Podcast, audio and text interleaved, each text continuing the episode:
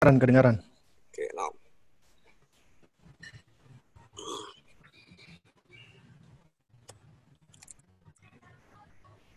Bismillah. Alhamdulillah, wassalatu wassalamu ala rasulillah.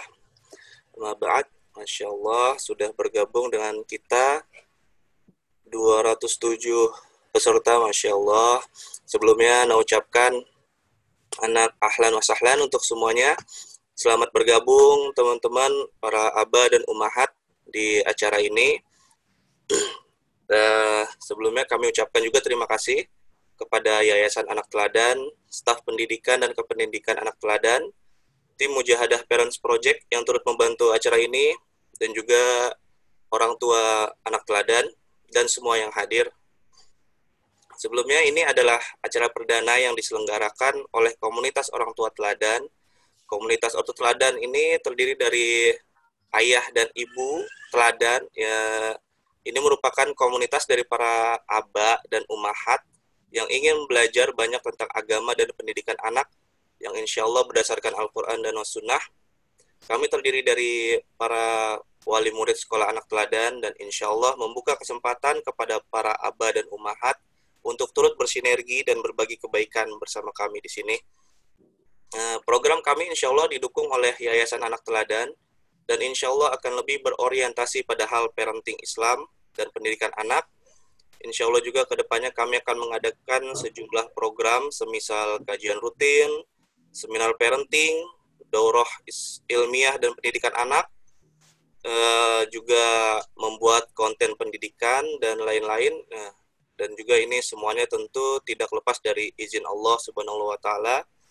Kemudian juga peran serta dari kita semua. Terus program pertama kami ini adalah talk show yang menghadirkan insya Allah yang pertama ada Bapak Hendar nanti yang akan menjadi host. Gimana Pak Hendar? Sehat? Alhamdulillah sehat Masya insya Allah. Alhamdulillah. Dan juga ada Dokter Gigi Mahe selaku praktisi medis. Mana Dokter Gigi Mahe? Udah standby belum? Masya Allah. Lalu juga ada yang berikutnya nih ada guru kita nih yang sudah banyak belajar Anda juga kepada beliau. Ada Ustadz Abu Salma selaku Ketua Yayasan Anak Teladan. Dan juga nanti terakhir ada Masya Allah ada Kak Erlan Iskandar selaku praktisi pendidikan anak. Tajuk yang kita bawa pagi ini adalah problematika pembelajaran daring bagi anak usia dini yang mana ini menjadi masalah kita semua, orang tua, sekolah, dan masyarakat di tengah wabah atau pandemi ini. Lalu juga saya ingin menambahkan beberapa adab-adab dalam majelis kita hari ini, pagi ini yang via Zoom, yaitu kayak saat nanti pemateri memberikan materinya, diharapkan para abah dan umahat yang bergabung mematikan mic-nya atau di mute mic-nya, juga tidak menyalakan video, dan juga diharapkan mendengar dan mencatat. Juga rekaman ini insya Allah akan di-share di medsos. Jadi semoga usaha kecil ini bisa memberi manfaat bagi kita semua. Tuh, mungkin sekian aja dari saya sebagai pembukaan e, mewakili komunitas Ortu Teladan dan untuk selanjutnya acara berikutnya kami serahkan kepada Bapak Hendar untuk memandu talk show ini. Silakan. Insyaallah. Wassalamualaikum warahmatullahi wabarakatuh. Padul, Pak Hendar.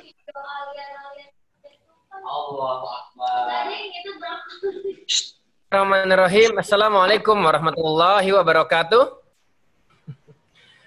Kepada Bapak Ibu-Ibu, Umahat, dan ayah bunda di mana pun kalian berada, Alhamdulillah, semoga kabarnya pagi ini senantiasa kita diberkahi oleh Allah dan senantiasa meskipun kita dalam pandemi, bagaimana kita sebagai orang tua tetap dapat bermaksimal mungkin melakukan sebuah kegiatan yang mana tentu memiliki tujuan yang sangat mulia. Bagaimana kita sebagai orang tua harus bisa tetap semangat dan bersinergi kepada sekolah dan kepada kita sebagai keluarga dalam memberikan layanan pendidikan yang terbaik untuk anak-anak kita.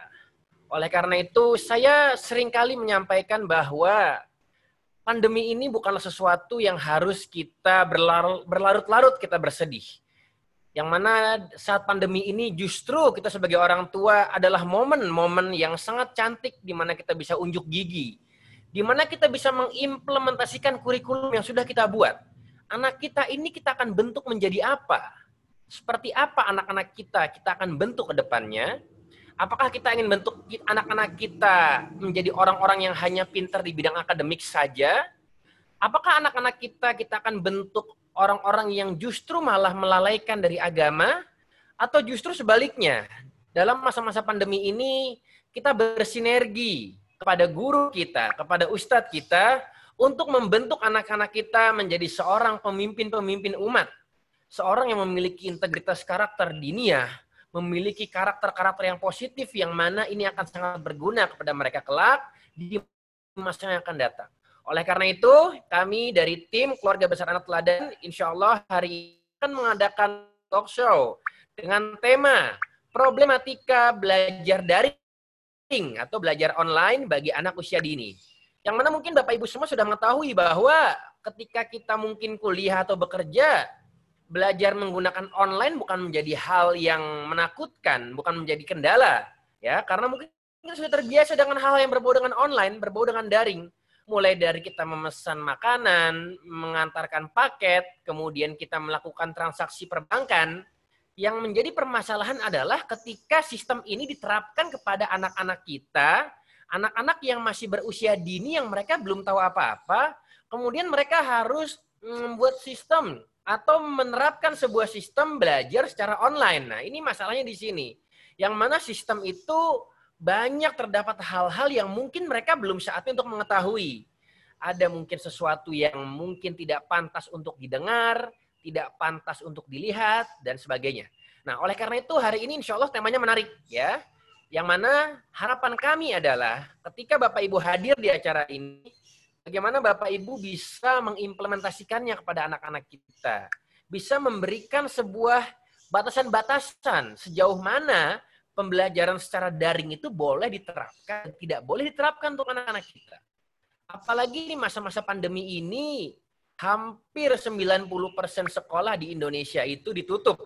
Dan tentu saja ini bukan karena semata-mata pribadi, namun pemerintah yang sudah menganjurkan karena resiko penularan COVID yang sangat tinggi.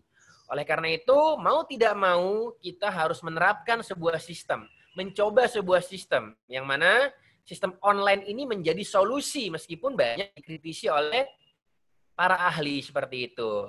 Baik, uh, untuk materi yang pertama, insya Allah saya akan bacakan beberapa kurikulum vitae oleh uh, narasumber kita. Yang pertama ada Ustadz Abu Salma Muhammad Rahdi. Beliau adalah alumni dari ITS, Institut Teknologi 10 November. Jurusannya ternyata jurusan biologi ya, Masya Allah. Beliau jurusan biologi dan beliau memiliki banyak sekali latar belakang pendidikan. Selain menempuh pendidikan pendidikan formal di ITS, beliau juga salah satu alumni dari Arabic Course Mahat Al Irsyad Surabaya. Wah, masya Allah ya, barakallahu fikum. Dan juga beliau ini alumni Mahat As-Sunnah Surabaya dan juga alumni International Islamic Study Center Surabaya ya, masya Allah barakallahu fikum. Adapun aktivitas beliau adalah beliau ketua Yayasan Anak Teladan yang mana kita benar-benar fokus untuk mengembangkan sebuah sekolah berbasis parent dan karakter sehingga anak-anak tidak hanya pintar dalam hal akademik, motorik, tapi juga dalam hal dinia seperti itu. Beliau juga sebagai sekretaris Multakoduat Indonesia. Jadi kalau ada program ustadz-ustadz yang keliling-keliling ke daerah-daerah terpencil, ya seperti daerah-daerah yang tidak pernah ada listriknya, tidak pernah ada internetnya. Nah, beliau itu sekretarisnya ya. Jadi uh, ini sebuah kontribusi yang luar biasa. Bagaimana uh, seorang guru dan seorang ustadz itu mau meluangkan waktunya untuk safari ke daerah-daerah terpencil. Kemudian juga beliau salah satu pengampu grup WhatsApp ya Al Wasita wal Tidal jadi salah satu grup yang membahas tentang problematika tentang seputar Islam dan diniyah. Dan terakhir uh, beliau juga salah satu penasehat di remaja masjid di daerah Cinere. Ya, jadi Ustadz Abu Salma Muhammad Rahdi ST adalah satu narasumber kita. Kemudian naras, uh, yang kedua adalah Ustadz Kak Erlan. Nah, beliau itu biasa dipanggilnya Kak Erlan ternyata ya, Barakallahu Fikum.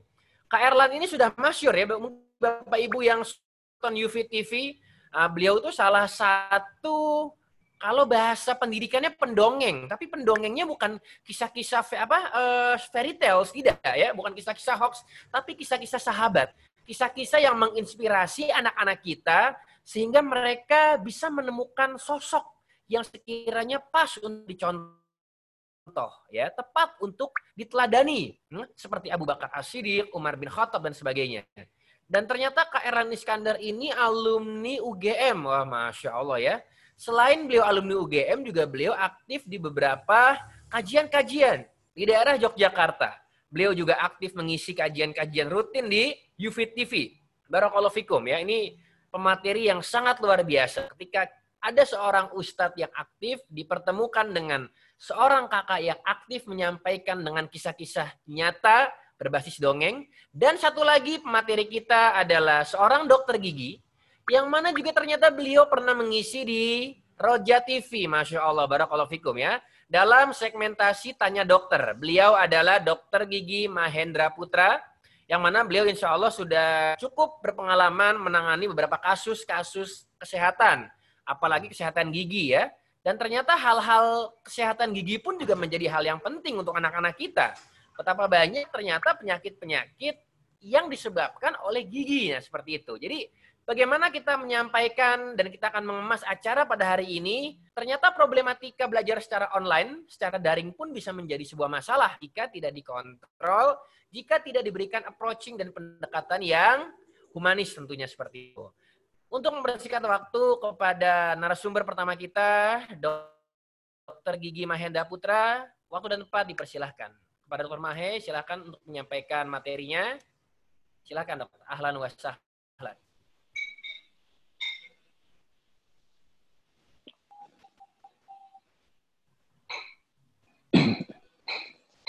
Bismillah. Assalamualaikum warahmatullahi wabarakatuh. Assalamualaikum warahmatullahi wabarakatuh. Alhamdulillah, hamdan kathiran tayyiban mubarakan fika ma hibbu rabbuna wa yarda. Asyhadu an la ilaha illallah wahdahu la syarika la wa asyhadu anna Muhammadan abduhu wa rasuluh. Amma ba'du.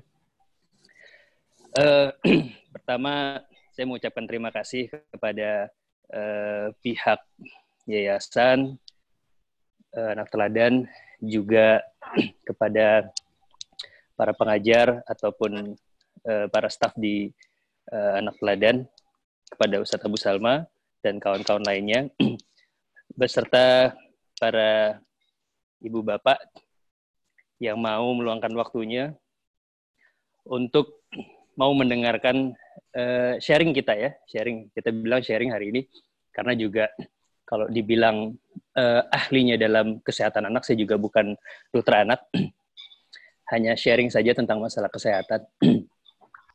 Kemudian di sini saya coba untuk uh, sharing sedikit uh, mengenai pendidikan anak-anak di masa pandemik dari sisi kesehatan gitu ya. Karena memang beberapa grup ataupun beberapa kawan-kawan juga sering kita bahas ya, terutama juga kebetulan saya juga mempunyai anak-anak yang masih uh, sekolah uh, sekolah di pesantren gitu ya dan itu juga menjadi polemik bagi kita semua gitu. Karena kalau kita lihat, eh, kalau kita lihat dari dari keadaan yang ada gitu ya, kenapa sih yang anak usia sekolah ini penting kita perhatikan gitu ya? Pertama, kalau dibilang tingginya dari kasus COVID-19 pada anak sendiri juga, memang secara global itu, secara dunia, eh, tidak ada angka spesifik ya. Di Indonesia pun sendiri, dari Ikatan Dokter Anak Indonesia sendiri juga uh, saya mencoba mencari datanya belum ada yang confirm uh, berapa jumlah berapa presentasi dari uh, anak yang memang pure terkena uh, infeksi COVID ini sendiri gitu penularan dari COVID-19 ini karena memang juga kita harus terkonfirmasi juga ketika ketika data itu dikeluarkan maka harus terkonfirmasi dengan dengan jelas gitu ya kedua juga anak-anak ini juga perlu penanganan yang khusus gitu. artinya uh, tidak bisa disamakan dengan orang-orang dewasa dalam penanganannya. Nah, anak-anak sendiri juga bisa menjadi hal yang karir pembawa ya. Jadi uh, tidak semua anak-anak itu bisa terinfeksi virus COVID, artinya uh, artinya ter, apa, terinfeksi itu menimbulkan gejala. Ada sebagian menimbulkan gejala, ada yang tidak. Karena uh, dari beberapa penemuan itu ataupun case gitu, anak-anak ini kalau kita kan kalau terkena infeksi itu ketika virus itu masuk, maka kita sebagai orang dewasa ataupun sebagai manusia punya yang namanya antibody. Nah, reseptor antibody itu yang akan nanti mendetek ini loh virusnya seperti itu. Ini loh virusnya akan diprotek oleh tubuh, maka mengeluarkan antibody. Nah, dari beberapa anak ada yang reseptor untuk menangkap ataupun mengenali si virus ini dia belum belum bisa seperti itu. Jadi virus itu akan tetap ada di badannya, tetapi tidak menimbulkan gejala. Tetapi nanti apabila uh, virus ini ataupun si anak ini mengenai orang-orang terdekatnya dengan imunitas tubuh yang rendah ataupun dengan penyakit-penyakit tertentu itu bisa bermasalah. Kemudian kayak tadi bilang terdampak akibatnya pada orang tua dan keluarga yang menderita. Tadi karena si si apa si anak itu membawa karir. Nah, kemudian kalau kita lihat data-data sendiri, ya, data-data sendiri yang yang saya dapat itu dari gugus COVID-nya sendiri ya, dari jumlah yang mengenai sekarang itu sekitar yang terkonfirmasi, artinya yang memang terkonfirmasi di sini adalah memang benar positif. Mereka uh, positif COVID-19 dengan beberapa gejala itu sekitar 84.882. Ini data yang saya dapat 18 Juli. Kemudian yang sembuh 43.268 dan yang meninggal, yang meninggal ini 4.016 orang. Ya. Dan ketika disandingkan di Asia, di Asia itu Indonesia ternyata memiliki tingkat pertama, urutan pertama. Urutan pertama di mana kita lihat seperti ini ya. Ini datanya masih tanggal 17, saya dapat di eh, apa di web itu masih 83.000 dengan angka kematian 3.957. Jadi memang kalau misalnya pun kita lihat sendiri ya, kalau misalnya bahaya nyatanya COVID ini, kalau kita perhatikan dengan mata kepala, dengan nalar kita sendiri gitu, bahaya COVID ini ada. Saya mencoba menyampaikan bahwasannya COVID ini jelas, COVID ini ada, terlepas ya, terlepas mungkin dari beberapa orang tua atau beberapa orang beranggapan, oh ini konspirasi, uh, ada hoax-hoax banyak lah hoax-hoax yang yang keluar ataupun yang uh, bermunculan baik di media maupun obrolan-obrolan. Tapi kita lihat, kita melihat ini angka-angkanya jelas, korbannya jelas dan mengenai bukan hanya Indonesia, tapi sifatnya global, seluruh dunia. Hampir seluruh dunia uh, terkena infeksi infeksi COVID-19 ini. Jadi uh, bahaya yang di depan mata kita ini jelas sampai menimbulkan uh, kematian gitu. Walaupun walaupun kalau misalnya kita bilang dibandingkan dengan beberapa penyakit lainnya, fatality rate atau mortality rate-nya itu memang si COVID ini tidak tinggi seperti penyakit-penyakit lainnya. Tetapi saya jelaskan lagi, uh, yang menjadi suatu uh, berbahaya bagi COVID-19 ini sebenarnya lebih kepada penularannya. Misalnya seperti ini, apabila dengan dengan tubuh kita yang sehat gitu ya, dengan imunitas kita yang baik, maka uh, kita dapat menangkal virus ini gitu. Tapi ketika kita kita kita lihat ada orang-orang dengan imunitas yang rendah atau bahkan seperti lansia, kemudian orang-orang yang memiliki penyakit komorbid atau penyakit bawaan sistemik seperti diabetes, hipertensi, dan asma dan yang lainnya itu justru nanti apabila terinfeksi oleh virus ini bisa memperparah keadaan kondisi dari penyakit tersebut seperti itu. Jadi memang ada beberapa case yang menimbulkan kematian itu pure karena virus COVID-19 sendiri, karena menyerang COVID ini menyerang pernafasan ya. Kemudian ada yang memang eh, bagi orang-orang yang memiliki penyakit-penyakit komorbid atau penyakit bawaan itu memperparah keadaan kondisinya. Dan itu dan itu cepat sekali. Dan eh, ini terjadi eh, pada dua sahabat saya sendiri gitu ya, yang memang mereka memiliki penyakit komorbid itu tidak mau tidak tidak apa tidak menyebabkan dengan penyakit itu mengakibatkan dia meninggal dengan waktu yang cepat. Sahabat saya dua orang itu dalam waktu jangka waktu 7 sampai 14 hari. Jadi kita harus kita harus berpikir eh, real, nyata, positif itu bahaya COVID ini ada. Eh, saya berharap kepada ibu bapak agar memang eh, tidak termakan hoax-hoax yang ada, tidak terlena ataupun tidak menganggap sepele. Walaupun tadi kalau kalaupun misal kita menganggap ini penyakit ini ada, kita juga tidak terlalu uh, apa ya namanya paranoid atau terlalu takut gitu. Yang penting nanti kita menjaga bagaimana daya tahan imunitas tubuh kita untuk lebih baik. Kita lihat sendiri nih ada data-data dari secara globalnya itu ya terjadi infeksi di 12 216 negara ya terkonfirmasi sekitar 13 juta 575 dan meninggal sekitar 584 940 ribu orang. Jadi ini bukan angka-angka kecil dan bukan data-data yang uh, dibuat begitu saja. Kalaupun uh, Bapak Ibu sering mendengar uh, ada hoax yang ini bisa-bisanya petugas medis nih, ini bisa-bisanya rumah sakit nih, ini bisa-bisanya orang kesehatan dalam menguruk keuntungan. Kita lihat saja korban dari para tenaga medis, kemudian uh, dari beberapa rumah sakit ataupun fasilitas kesehatan yang memang ditutup karena terinfeksi gitu. Kita tidak tidak tidak menutup mata. Mungkin ada oknum dari beberapa dari uh, vaskes atau fasilitas kesehatan yang melakukan hal tersebut itu. Tetapi kita yakinkan bahwasannya uh, penyakit ini berbahaya dalam penularannya seperti itu. Kemudian Eh, ketika ketika kita lihat data-data di Indonesia meninggal dan dan angkanya setiap hari makin naik. Ada juga yang bilang karena kan sekarang sekarang dites, karena sekarang di swab, karena sekarang di rapid. Tapi kita lihat ini yang kita periksa ataupun yang didata oleh pemerintah bisa terbayang dengan orang-orang yang belum terdata. Bisa terbayang berapa jumlah lagi orang-orang di luar sana yang memang kita nggak tahu ataupun sekarang mungkin dibilangnya sudah bukan OTG lagi ya kalau sekarang sudah sudah berubah lagi istilah-istilahnya seperti itu. Ada orang-orang tanpa gejala dan dan infeksi ini bisa berulang. Saya ulangi lagi, infeksi ini bisa berulang.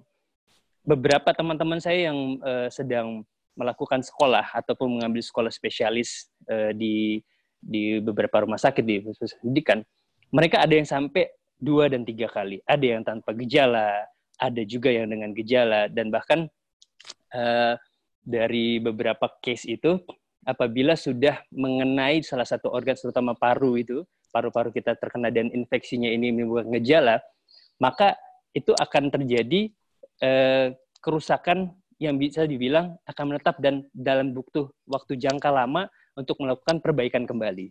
Seperti itu. Jadi kita terbayang kalau misalnya eh, yang terkena ini pada anak-anak kita yang merupakan eh, pewaris kita ataupun eh, penerus kita gitu ya. Kita bayangkan nanti di generasi ini anak-anak kita sudah ada beberapa yang terinfeksi, ke depannya mereka memiliki kondisi yang kurang baik, kondisi yang kurang kurang bisa untuk dikatakan dalam kesehatan yang sempurna seperti dan ke depannya nanti akan menurun akan menurun kualitas penerus-penerus kita. Nah, satu-satunya jalan yaitu bagaimana sih supaya kita juga uh, agar bisa menjaga diri kita uh, dalam mencegah gitu ya, dalam mencegah supaya tidak terinfeksi artinya oleh virus COVID ini. Pemerintah dan bersama petugas medis dan yang lainnya melalui Kementerian Kesehatan banyak sekali mengeluarkan protokol-protokol kesehatan. Protokol-protokol kesehatan ini yang perlu dijalankan oleh kita semua yaitu dan jangan dianggap ah sudahlah uh, ini kan biasa saja ataupun sekedar bahkan ada yang bilang yang di pinggir jalan sana nggak terinfeksi, yang keluar tanpa masker nggak terinfeksi. Gitu. Banyak banyak sekali kasus-kasus yang memang tidak terblow up gitu ya. Yang hanya yang terblow up adalah kasus-kasus yang sekiranya bahkan hoaxnya lebih banyak gitu seperti dibandingkan yang nyata ya seperti itu. Protokol kesehatan sebenarnya simpel kok. Uh, kita tenaga medis ataupun dari Kemenkes itu mengajak pada suatu kebaikan ya berusaha untuk mengajak orang-orang ini untuk lebih bersih, untuk lebih sehat kehidupannya. Sebenarnya seperti seperti protokol mencuci tangan gitu. Mungkin nanti akan ada ada sharing juga di beberapa YouTube segala macam bagaimana sih cara mencuci tangan yang baik dan benar.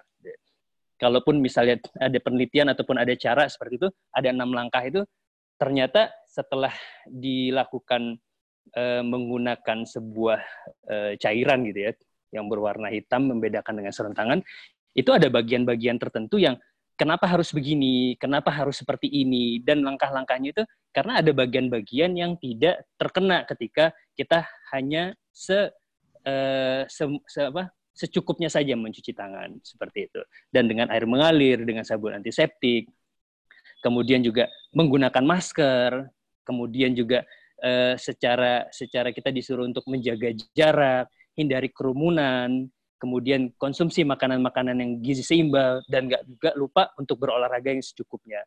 Itu yang disarankan uh, oleh oleh pemerintah dan tenaga medis ya. Jadi hal-hal itu yang disarankan hal-hal yang baik yang harusnya tanpa ada COVID pun, tanpa ada penyakit pun, kita harus melakukan seperti itu untuk kehidupan kita sehari-hari. Dan dan dan memang memang kalau misalnya dilakukan, ini justru akan mencegah gitu, ya, mencegah mata rantai penularan dari COVID-19 ini sendiri. Yang penting kitanya uh, harus benar-benar uh, menjalankan protokol kesehatan ini dengan baik. Dengan tadi tujuannya untuk diri kita sendiri kok dan juga untuk orang-orang di sekitar kita. Nah, berhubungan dengan uh, pendidikan anak-anak sendiri gitu ya. Kenapa sih kalau misalnya dari kesehatan ini uh, sebagian ataupun beberapa banyak gitu ya untuk sebaiknya anak-anak sekolah? Karena kita tahu sendiri gitu. Kita sendiri yang dewasa saja ya itu sering sekali banyak lah banyak mengabaikan protokol-protokol kesehatan. Kita lihat di jalan-jalan itu masih banyak orang tanpa masker, masih banyak orang berkerumun, masih banyak orang-orang yang kita lihat uh, melakukan hal-hal yang memang uh, di luar uh, peraturan dari pemerintah sendiri, berkumpul, melakukan hal yang sia-sia seperti itu. Bisa kita bayangkan dengan anak-anak yang memang di sekolah bermain, mereka tidak peduli dengan maskernya, mereka tidak peduli dengan uh, jarak atau segala macam, apa pun semua akan disentuh, akan dipegang, seperti itu. Jadi kita mencegah supaya anak-anak ini tidak menjadi sumber penularan ataupun ikut tertular seperti itu. Dan dari WHO sendiri ada enam syarat gitu ya, enam, enam syarat dari new normal sendiri ya. Yang pertama kalau kita mau kembali ke new normal, ada mungkin sekarang bahasanya mungkin agak bukan new normal gitu ya, di kebiasaan baru gitu ya satu angka penularan COVID terkendali. Gitu. Tapi kita lihat sendiri di bang di negara kita angkanya sendiri itu makin lama makin meningkat. Walaupun dengan jumlah orang yang sembuh juga meningkat, tetapi masih belum sepadan, masih belum seimbang seperti itu. Kemudian sistem kesehatan yang ada sudah memadai, mampu diidentifikasi, isolasi, dan pengujian pelacakan kontak dan karantina. Yang paling susah itu adalah tracing.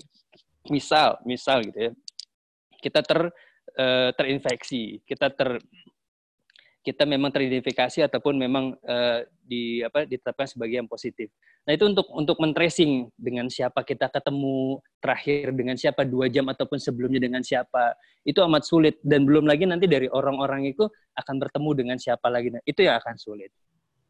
Kemudian wabah ini juga bisa ditekan dengan kerentanan tinggi seperti pemukiman padat, panti ureda, langkah-langkah penjagaan lingkungan kerja, mengenalkan kasus uh, karier di suatu wilayah dan meminta pendapat masyarakat yang pakar gitu.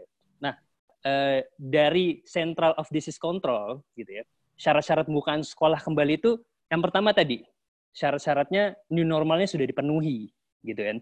Karena apa? Karena mereka uh, dari CDC semakin banyak orang yang berinteraksi dengan siswa atau staff dan semakin lama interaksi itu semakin tinggi resiko penyebaran COVID-19. Resiko penyebaran COVID-19 ini meningkat pengaturan di sekolah sebagai berikut. Misal, resiko terendah. Resiko terendah itu siswa dan guru terlibat dalam kelas, dalam kegiatan yang dan acaranya virtual only. Ya kayak sekarang yang kita lakukan adalah daring ya, dalam jaringan. Hanya melalui uh, online seperti itu. Eh, kemudian ada risiko menengah. Risiko menengah ini kelas, aktivitas dan acara yang kecil secara langsung, kelompok siswa tinggal bersama dengan guru yang sama sepanjang di hari-hari sekolah dan kelompok tidak bercampur. Siswa tetap terpisah setidaknya 1 sampai 2 meter atau tidak berbagi objek. Nah, ini satu lagi ya. Anak-anak kita tuh kadang eh, suka berbagi objek, baik makanan, minuman ataupun hal-hal yang lain. Nah, yang ketiga adalah risiko yang tertinggi resiko tertinggi di sini adalah kelas yang penuh, kelas langsung, kegiatan dan acaranya siswanya ditempatkan tidak terpisah, dicampur tanpa jarak dan tanpa melalui protokol-protokol yang ada seperti itu. Ini yang merupakan resiko tertingginya. Nah, dari dari dari hal itu maka eh, ada keluar selebarannya artinya statement dari Ikatan Dokter Anak Indonesia sendiri itu uh, menimbang hal-hal yang uh, beberapa hal mengenai bagaimana anak ini sekolah mulai kapan kegiatan belajar belajar lagi. Maka uh, Ikatan Dokter Anak Indonesia itu sendiri mengeluarkan uh, apabila melihat kondisi yang telah membaik minimal Desember minimal bulan Desember uh, kita dapat melakukan sekolah tatap muka. Itu pun tetap dengan melihat uh, tadi syarat-syarat uh, dari new normal ataupun uh, tingkat keberhasilan dari pencegahan penularan. Jadi dilihat dari zonanya, kemudian dilihat dari kesiapan dari uh, sekolah, kesiapan dari uh, para para guru, bagaimana kelasnya atau bagaimana caranya, bagaimana SOP dari sekolah itu untuk memulai sekolah lagi. Itu semua diperhatikan. Jadi kalau misalnya uh, kita mengikuti rekomendasi ini, uh, insya Allah ini adalah hal-hal yang sudah dirapatkan dan sudah dibincangkan oleh para uh, dokter anak dan mereka lebih pastinya lebih paham mengenai hal-hal seperti ini. Kemudian mungkin sedikit saran dan masukan gitu ya, yang kita harus tahu penularan COVID ini dimulai dari ataupun bisa mengenai tiga hal gitu ya. Yang pertama adalah mata, hidung, dan mulut kita sendiri. Maka untuk kita harus tetap menjaga agar supaya ya tidak berkontak apabila kita yakin tangan kita tidak bersih ya apabila kita yakin tangan kita penuh dengan misalnya entah keluar segala macam usahakan usahakan untuk selalu tidak menyentuh. Misalnya kita keluar segala macam kita nggak tahu kita nggak bawa antiseptik kita nggak cuci tangan segala macam untuk tidak menyentuh mata hidung dan mulut kita. Dan selalu gunakan masker. Dan ini harus kita jaga ketat kepada anak-anak kita juga. Dan saya sendiri juga sampai saat ini eh, tetap mengatakan bahwasannya anak-anak harus tetap di rumah. Kalaupun nanti ada hal-hal yang ingin diperlukan maka kita akan keluar bersama-sama. Dan itu pun tetap di mobil. Karena memang anak-anak sendiri juga butuh butuh hiburan saya tidak akui eh, saya akui seperti itu. Dan mereka butuh untuk uh, melihat hal-hal di luar sana dan tidak tidak kita keep gitu saya. Karena memang beberapa mungkin ada salah memaknai makna isolasi ataupun di rumah saja. Tidak tidak seperti itu. Tidak yang harus di rumah saja. Boleh sesekali kita keluar tapi tadi dengan memperhatikan dari uh, protokol kesehatan. Memakai masker andai pun kalau misalnya keluar tetap di mobil kita membeli sesuatu atau membawa sesuatu hanya untuk melihat sesuatu itu masih tetap dibolehkan. Jadi jangan sampai jangan sampai berpikir bahwasannya di rumah saja. Adapun bagi bapak-bapak, ibu-ibu yang tetap kerja, yang memang harus diwajibkan kerja, itu seperti tadi saya bilang, harus tetap menjaga protokoler kesehatan. Dan ingat, tangan ya, tangan ini jangan terlalu sering ataupun kalau bisa hindari menyentuh hal-hal yang seperti uh, misalnya kotor entah kita nggak nggak jelas mata, hidung dan mulut. Harus hindari itu dan selalu gunakan masker di mana pun ada. Jangan menyepelekan kasus-kasus, misalnya teman kantor, oh saya kenal dengan dia, oh oh ini teman-teman main saya, oh ini ini saudara saya dari luar segala macam. Tetap tetap harus menjaga jarak dan menggunakan masker. Karena beberapa beberapa petugas kesehatan atau nakes tenaga kesehatan pun yang tertular itu ternyata bukan dari pasien juga sebagian. Ternyata dari beberapa teman-teman nakes yang memang kita tidak diketahui dari mana penularan mereka. Memang untuk saat ini semua teori ataupun semua eh, hal-hal uh, tentang si virus COVID-19 ini masih belum ada yang fix 100% masalah teorinya.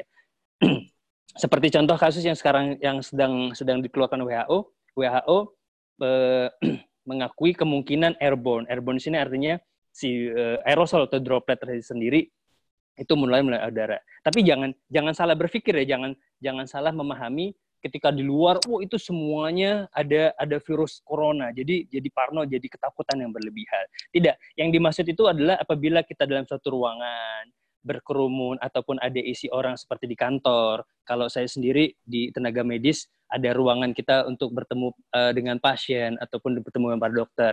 Itu yang dikatakan airborne itu si virus itu akan berterbangan di udara. Nah, bagaimana caranya? Ternyata ada caranya. Yang di sini yang dibahas adalah ventilasi, durasi, dan jarak. Kayak tadi, ventilasi. Ventilasi itu diperlukan karena apa? Rumah kita itu harus memiliki sirkulasi yang baik ataupun tempat eh, tempat kita sekolah, tempat kita bekerja itu harus memiliki ventilasi yang baik. Agar apa?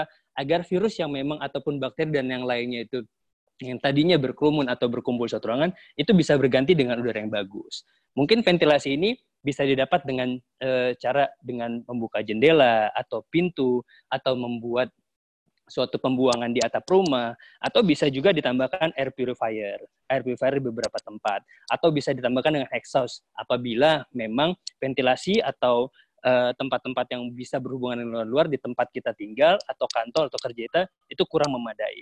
Kemudian tadi durasi kurangi untuk berlama-lama ya. Artinya saya sendiri pun ketika menangani pasien itu saya batasin sekarang berapa jam saya membatasi pasien, berapa pasien yang akan saya terima. Sama seperti itu. Ketika ketika kita di suatu ruangan, kita batasi durasi waktunya. Berapa lama sih seperti ini? Mungkin setengah jam, satu jam kita cari udara yang lebih baik seperti itu. Kemudian tetap jarak, jangan menganggap sepele gitu ya. Jangan menganggap sepele, kayak tadi saya bilang, dengan karena oh saya tahu nih teman saya mungkin oh ini saya tahu nih Ustaz Abu Salma kita berbicara dengan jarak yang dekat dan tanpa menggunakan masker sih. Jadi itu yang memang uh, harus diperhatikan. Jadi masker jangan lupa untuk selalu digunakan, mencuci tangan, ya selalu mencuci tangan. Jadi kita sekarang punya kebiasaan itu selalu mencuci tangan, gitu. Mencuci tangan di mana pun ada tempat yang bisa kita lakukan cuci tangan, cuci tangan. Apa pun yang kita habis sentuh kita ingat dan harus harus harus benar-benar uh, aware gitu ya, harus benar-benar uh, waspada, tetapi juga jangan berlebihan. Oh habis dari luar tadi saya ke mana sih? Seperti itu. Dan saya sendiri pun ketika ketika pulang praktek ataupun dari luar itu saya akan melakukan sebelum sebelum masuk rumah sendiri pun saya akan melakukan hal-hal yang tadi seperti cuci tangan dan membuka mengganti baju ataupun yang dari luar di luar rumah. Seperti itu. Mungkin eh, ini saja yang dapat saya sampaikan. Apabila dari grup ini mungkin ada sejawat saya ataupun juga ada kawan-kawan tenaga nakes lainnya yang memang mendengarkan apabila terjadi ada kesalahan ataupun kekurangan dari uh, apa yang saya paparkan atau yang saya sharing mohon dikoreksi uh, karena memang keterbatasan dari apa yang saya ketahui. Dan buat para ibu-ibu dan uh, ibu dan ayah tetap harus waspada kepada anak-anaknya agar terhindar dari penularan COVID-19 ini. Dan saya ucapkan semuanya semoga dalam keadaan sehat selalu, tetap waspada, ingat, eh, takut boleh, jangan berlebihan, juga jangan mensepelekan. Mungkin itu saja, eh, Kak Hendar, Prof. Hendar, yang bisa saya sampaikan. Semoga bermanfaat. Eh, Assalamualaikum warahmatullahi wabarakatuh. Baik, uh, Ustadz Dr. Mahendra Putra, syukran juga. Ustadz. Ustadz, cuman uh, ini Ustadz, mungkin ada tanggapan dari beberapa wali murid nih Ustadz ya, karena kita bicara yeah. soal kesehatan anak. Uh, pertama yeah. begini, kita melihat sebuah fenomena COVID itu ketika awal-awal booming dan outbreak, awal-awal Maret dan awal-awal April itu kan kita lihat bahwa jalanan, kemudian tempat ibadah, tempat keramaian dan sekolah-sekolah pun mendadak sepi saat gitu, mendadak sepi, yeah. mendadak uh, seperti tidak aktivitas dan kegiatan. Namun ya. belakangan ini eh, akhir-akhir Juni, kemudian sudah masuk bulan Juli itu sepertinya sudah mulai normal lagi. Bahkan kita sering kali temui ada beberapa orang tua dengan anaknya yang anak masih balita, masih kecil-kecil dengan santainya tidak menggunakan masker. Ya. Seolah-olah ini sudah menjadi hal yang normal karena menganggap bahwa kok sepertinya berita tentang COVID sudah sudah tidak se-booming yang dulu. Itu bagaimana iya. menanggapinya, Ustaz? Artinya bagaimana kita memberikan edukasi kepada mereka, khususnya bagi orang tua yang memiliki anak masih kecil-kecil begitu, Ustaz? Syukran. Jazakallah khair, Dr. Mahe. Iya, ya tadi seperti saya bilang gitu ya. uh, dengan adanya kemarin dibuat suatu new normal gitu urusan kita kita tidak tahu itu menyangkut masalah politika, masalah ekonomika, ataupun masalah konspirasi yang lainnya, saya ingatkan kepada para orang tua ibu ya, urusan konspirasi politik dan lain adalah itu urusan bukan urusan kita. Urusan kita sebagai orang tua adalah menjaga diri kita dan keluarga kita, terutama anak-anak kita dari bahaya infeksi ini. Karena tadi saya bilang bahayanya nyata. E, jangan sampai kita sepele, jangan sampai baru terkena kepada orang-orang terdekat ataupun dari diri kita sendiri, baru kita memahami, oh iya ternyata ini e, apa namanya ini berbahaya. Dan ada kasus ada kasus uh, yang uh, saya temui gitu ya. Kebetulan ada salah seorang uh, umahat ya. Kebetulan ibunya yang pertama kali terkena uh, infeksi COVID. Kemudian ibunya meninggal dan ini yang saya bilang tadi. Uh, saya tidak tahu apakah memang kesalahan dari edukasi ataupun dari memahami ataupun dari penyampaian. Ketika masyarakat melakukan isolasi, itu dilakukan isolasi yang benar-benar menganggap bahwasannya ketika orang COVID ini keluar, itu akan langsung terjadi penularan. Jadi satu gang rumahnya itu ditutup dari ujung ke ujung. Ini keluarga tidak boleh tidak bisa beli makan, tidak bisa beli minum dan tidak bisa beli yang lainnya. akhirnya melakukan pelaporan dan uh, saya coba laporkan ke kawan-kawan yang aktif di penanganan masalah COVID dan itu dibuka. Jadi jangan jangan jangan berpikir, oh isolasi, isolasinya memang benar-benar ketat. Enggak, tidak seperti itu gitu ya. Bukan justru yang hal itu malah berbahaya meninggalnya bukan karena COVID-nya gitu. Nanti meninggalnya ataupun dampak buruknya malah karena dia tidak bisa makan macam. Harusnya ketika mengisolasi itu warga sekitar ataupun yang lainnya mengantarkan makanan, minuman tetap dengan memakai masker, kemudian tidak berkontak langsung, dan dan ketika si si penderita itu dia tertutup dan segala macam itu kita kita kita tidak tidak tidak apa tidak langsung oh langsung tertular enggak. Jangan dibayangkan eh, tiba-tiba langsung menular enggak seperti itu. Dan dan dan dan satu rumah itu penularannya tidak langsung.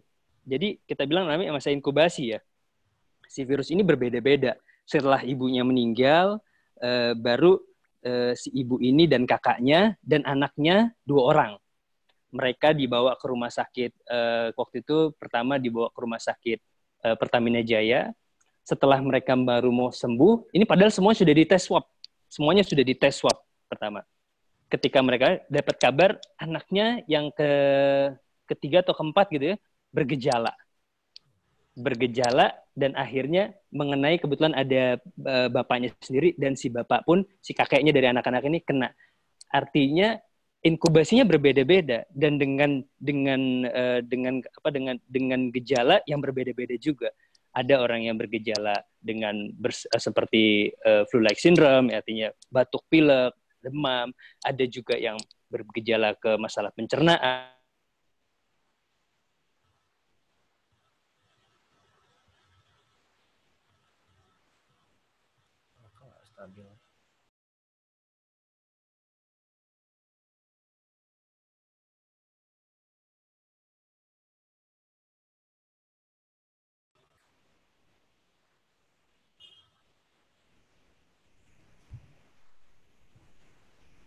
Sepertinya itu ya. Putus jaringannya ya. Stabil, Seth. Anda mendengar. Mungkin dokter Mahe oh, bisa merespon, dokter? Iya.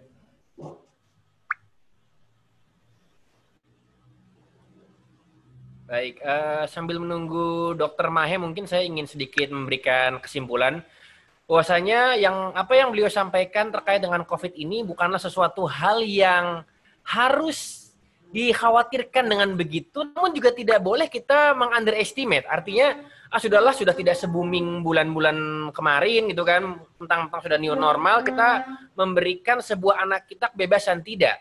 Saya pun yang seorang praktisi di pendidikan tetap memperlakukan protokol kesehatan. Bahkan ada sebuah isu yang mana ingin membuka sekolah pada bulan Juli, namun melihat dari angka di kota Jabodetabek yang ternyata masih sangat tinggi, akhirnya kita putuskan untuk membuat sekolah kembali dan ini pun tidak langsung anak-anak langsung masuk full tidak ya. Itu di bulan September insya Allah. Namun yang harus kita garis bawahi adalah ketika nanti di bulan September ternyata angka masih tinggi dan dinas pendidikan pun mengatakan bahwa tidak boleh menyelenggarakan pendidikan secara tatap muka maka kita pun juga harus tetap patuh gitu. Artinya selain ini beresiko terhadap izin operasional sekolah juga ini akan sangat berisiko bagi anak-anak yang tergabung dalam sekolah itu. Karena namanya anak-anak itu apalagi anak-anak oh sudah bergabung ya. Cek cek. Oke, baik okay. dok, dok, lanjutkan. Oke, okay, maaf tadi terputus. Iya okay. tadi saya bilang eh uh, kata Didi, ini tugas kita bersama ya untuk mengedukasi minimal orang terdekat kita, minimal masyarakat sekitar kita dan kita selain mengedukasi harus kita contohkan gitu karena memang agak sulit ya ketika ketika ada orang-orang yang memang termakan hoax-hoax tersebut gitu ya. Jangankan dari tingkat orang umum, dari orang-orang yang berpendidikan pun masih banyak yang yang termakan hoax ya tadi. Ya tadi saya, saya bilang, mau ini konspirasi, mau ini buatan atau segala macam, yang harus ditekankan adalah ini berbahaya. Ini ada dampaknya dan kita jaga diri kita dan keluarga kita. Kita nggak perlu pikirin, oh ini konspirasi nih, itu urusan mereka. Oh ini urusan masalah politis nih. Kita nggak tidak melihat seperti itu. gitu. Itu paling nggak kayaknya. Jadi artinya selain edukasi juga kita harus terus terus untuk uh, untuk terus nggak bosan-bosan ya untuk menyampaikan kepada dan memang ini uh, tugas dari uh, para nakes juga pastinya untuk selalu memberikan edukasi pendidikan kepada masyarakat. Tadi ada yang bertanya tuh ya tadi kalau nggak salah bagaimana untuk uh, imunisasi ya. Ini tadi ibu siapa nih? Uh, Abu Kaisan ya. Abu ya, Kaisan. Untuk imunisasi di saat ini enggak tidak tidak bermasalah ya. Silakan dilanjutkan. Justru juga memang untuk membantu ya, membantu untuk meningkatkan daya tahan tubuh. Jadi jadi ada ada ada beberapa paranoid yang cukup uh, berlebihan ya ketika orang-orang untuk uh, takut untuk rumah sakit gitu ya takut untuk ke dokter karena beberapa beranggapan nanti karena dianggap uh, rumah sakit itu zona merah gitu di mana orang-orang banyak infeksi COVID-nya tapi kita lihat gitu ya. artinya ada beberapa rumah sakit beberapa rumah sakit yang memang menjadikan rujukan menjadi rujukan dari penanganan kasus COVID-19 ini sendiri dan itu yang memang kita harus waspadai. Tapi ada juga rumah sakit-rumah sakit yang memang tidak menerima ataupun tidak uh, melakukan perawatan. Andai pun ada kasus-kasus yang terdetek gitu ya.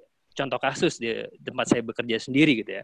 Di tempat saya bekerja sendiri ada dua gedung. Satu di gedung di depan itu memang dikhususkan memang berdasarkan instruksi pemerintah beberapa rumah sakit harus menerima, wajib menerima pasien-pasien dengan uh, penderita COVID ini. Tapi itu dipisah dan apabila ada pun terdeteksi, ada pun ada pasien-pasien itu akan dilakukan protokol seperti di rumah sakit, bagaimana disinfektasi, disinfektannya, bagaimana cara untuk uh, ruangan ataupun orang-orang itu akan di tracing semuanya supaya tadi tidak menyebar ke mana-mana dan itu biasanya akan dilakukan tes dan satu lagi ada beberapa banyak banyak banyak hoax juga gitu ya ada yang mengatakan oh saya begitu direpit malah sakit oh saya begitu di swab malah sakit. Nah, ini ini ini banyak banyak sekali yang yang kita berpikir sebenarnya bukan bukan malah sakit gitu.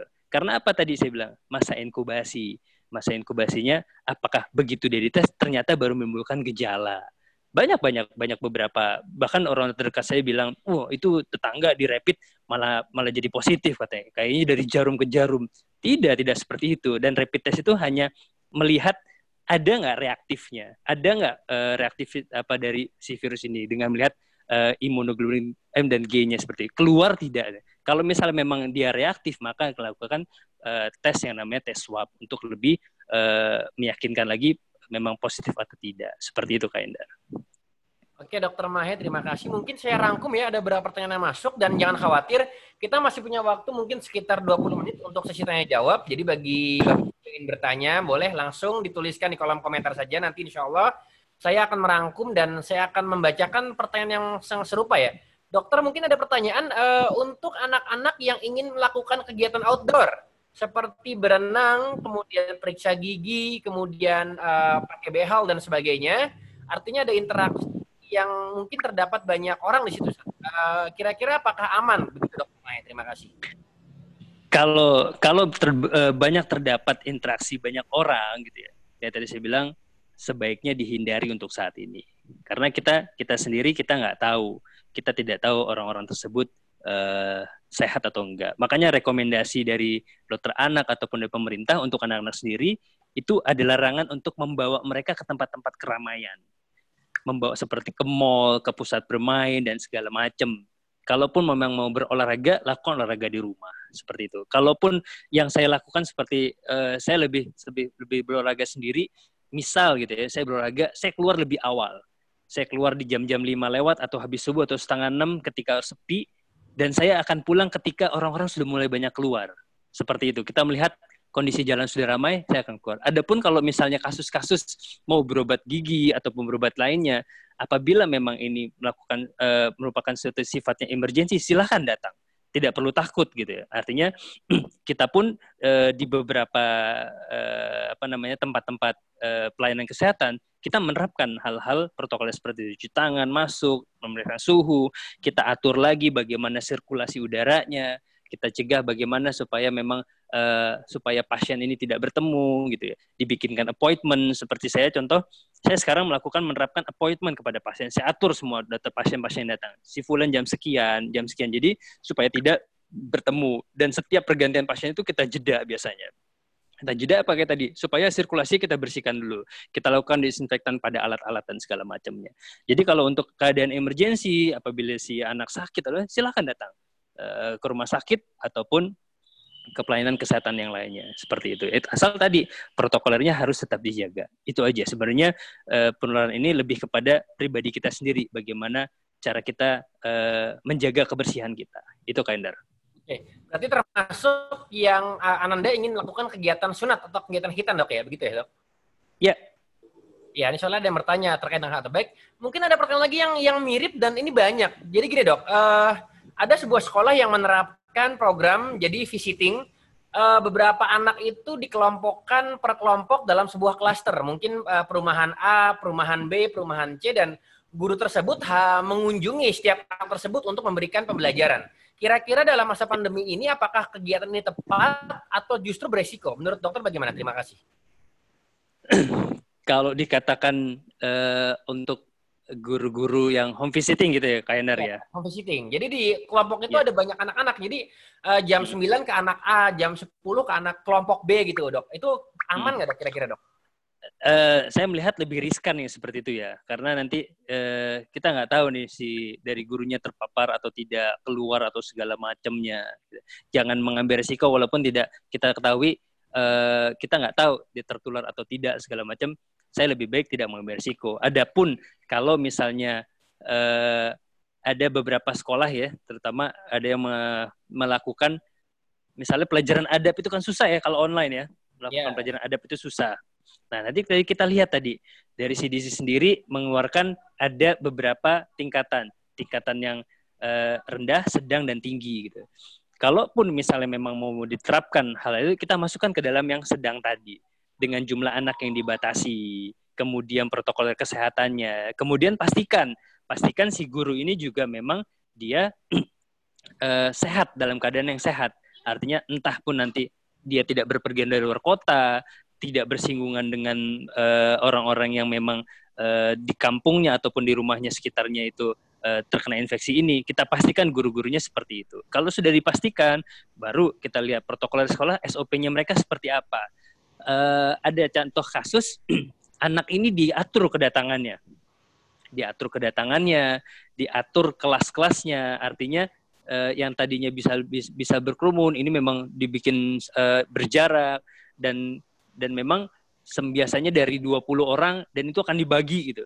Yang hari ini datang sekitar 10 ataupun 7 orang untuk belajar itu masih uh, memiliki resiko yang sedang kalau dari tadi kita lihat uh, pemaparan dari CDC ya WHO. Itu Kak Hendar. Baik, terima kasih dok. Ya, karena mungkin anak-anak, jangan anak-anak dok, mungkin wali muridnya sendiri pun ketika ada event-event di sekolah yang memang sudah dijadwalkan pun masih ada ngerumpi-ngerumpi juga. Mungkin efek kangen atau efek Iya.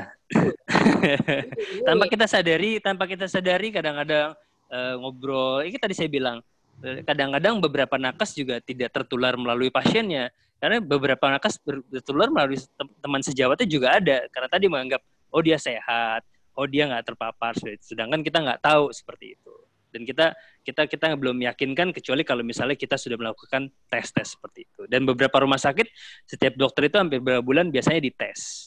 Oke baik dok. Terima kasih. Minimal rapid test. Oke jadi gini dok. Ada pertanyaan lagi dok terkait dengan masih dengan covid ya. Di sini ada beberapa pertanyaan dari wali murid dan dari bapak ibu terkait dengan pendidikan.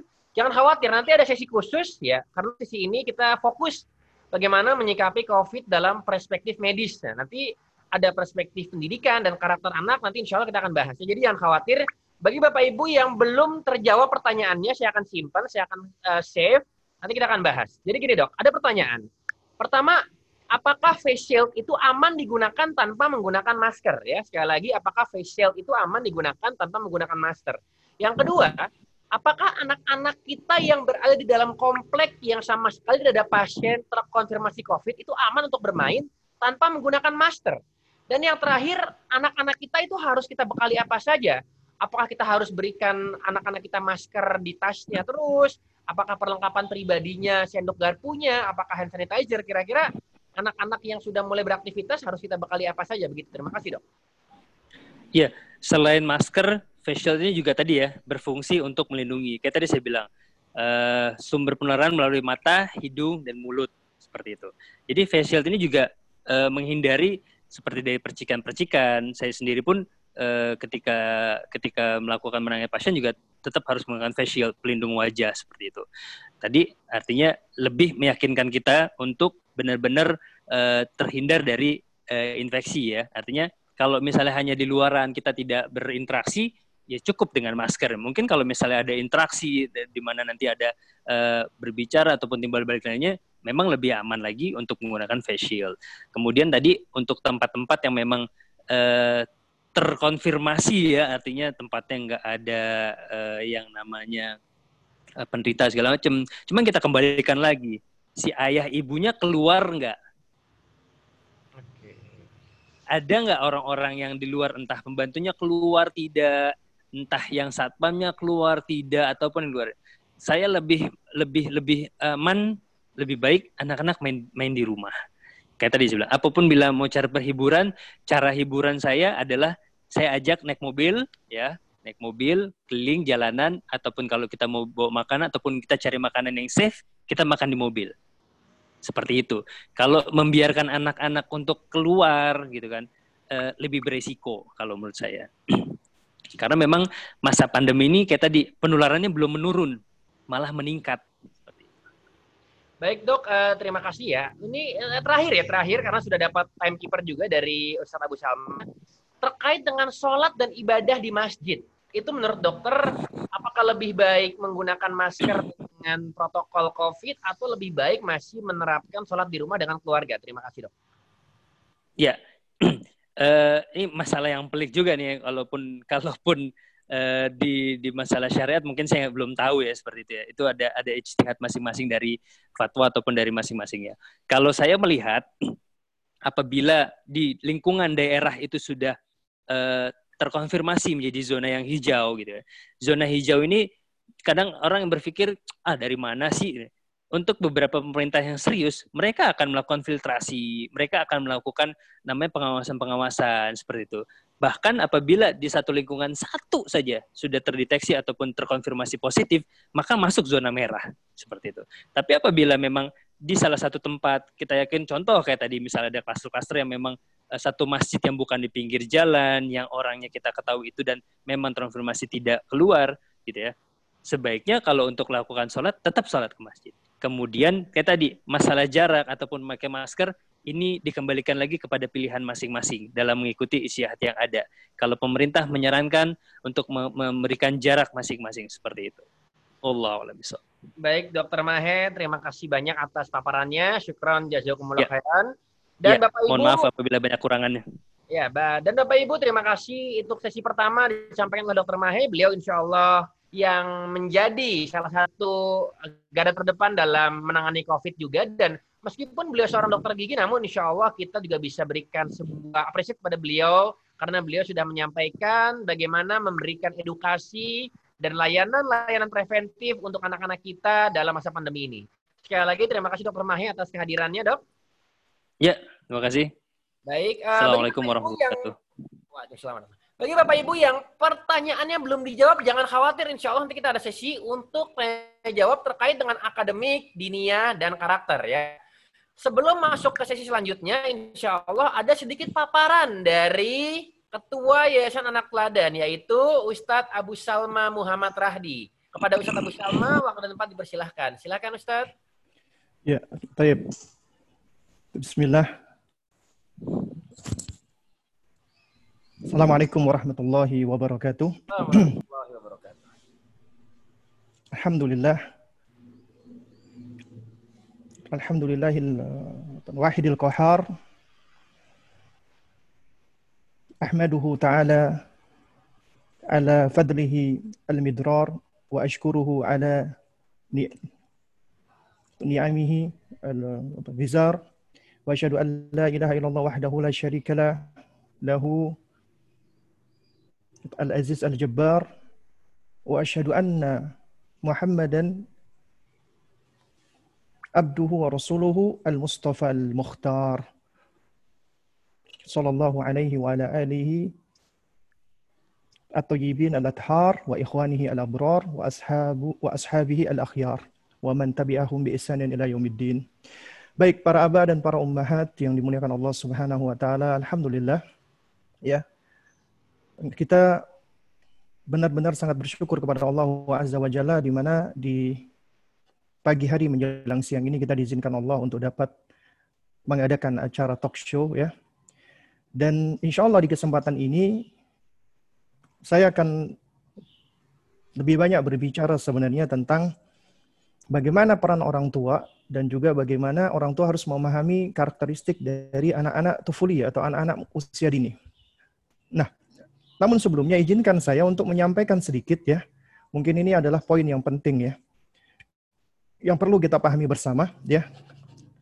Sebab informasinya ya itu yang hadir ataupun yang yang datang di dalam acara talk show kita ya itu dari Google Firm itu memang yang mendaftar ada 651 orang yang masuk di grup itu ya kurang lebih uh, sekitar 60% dan alhamdulillah yang bergabung dengan kita ada 319 orang ya dan yang sebagian sepertinya bergabung via YouTube.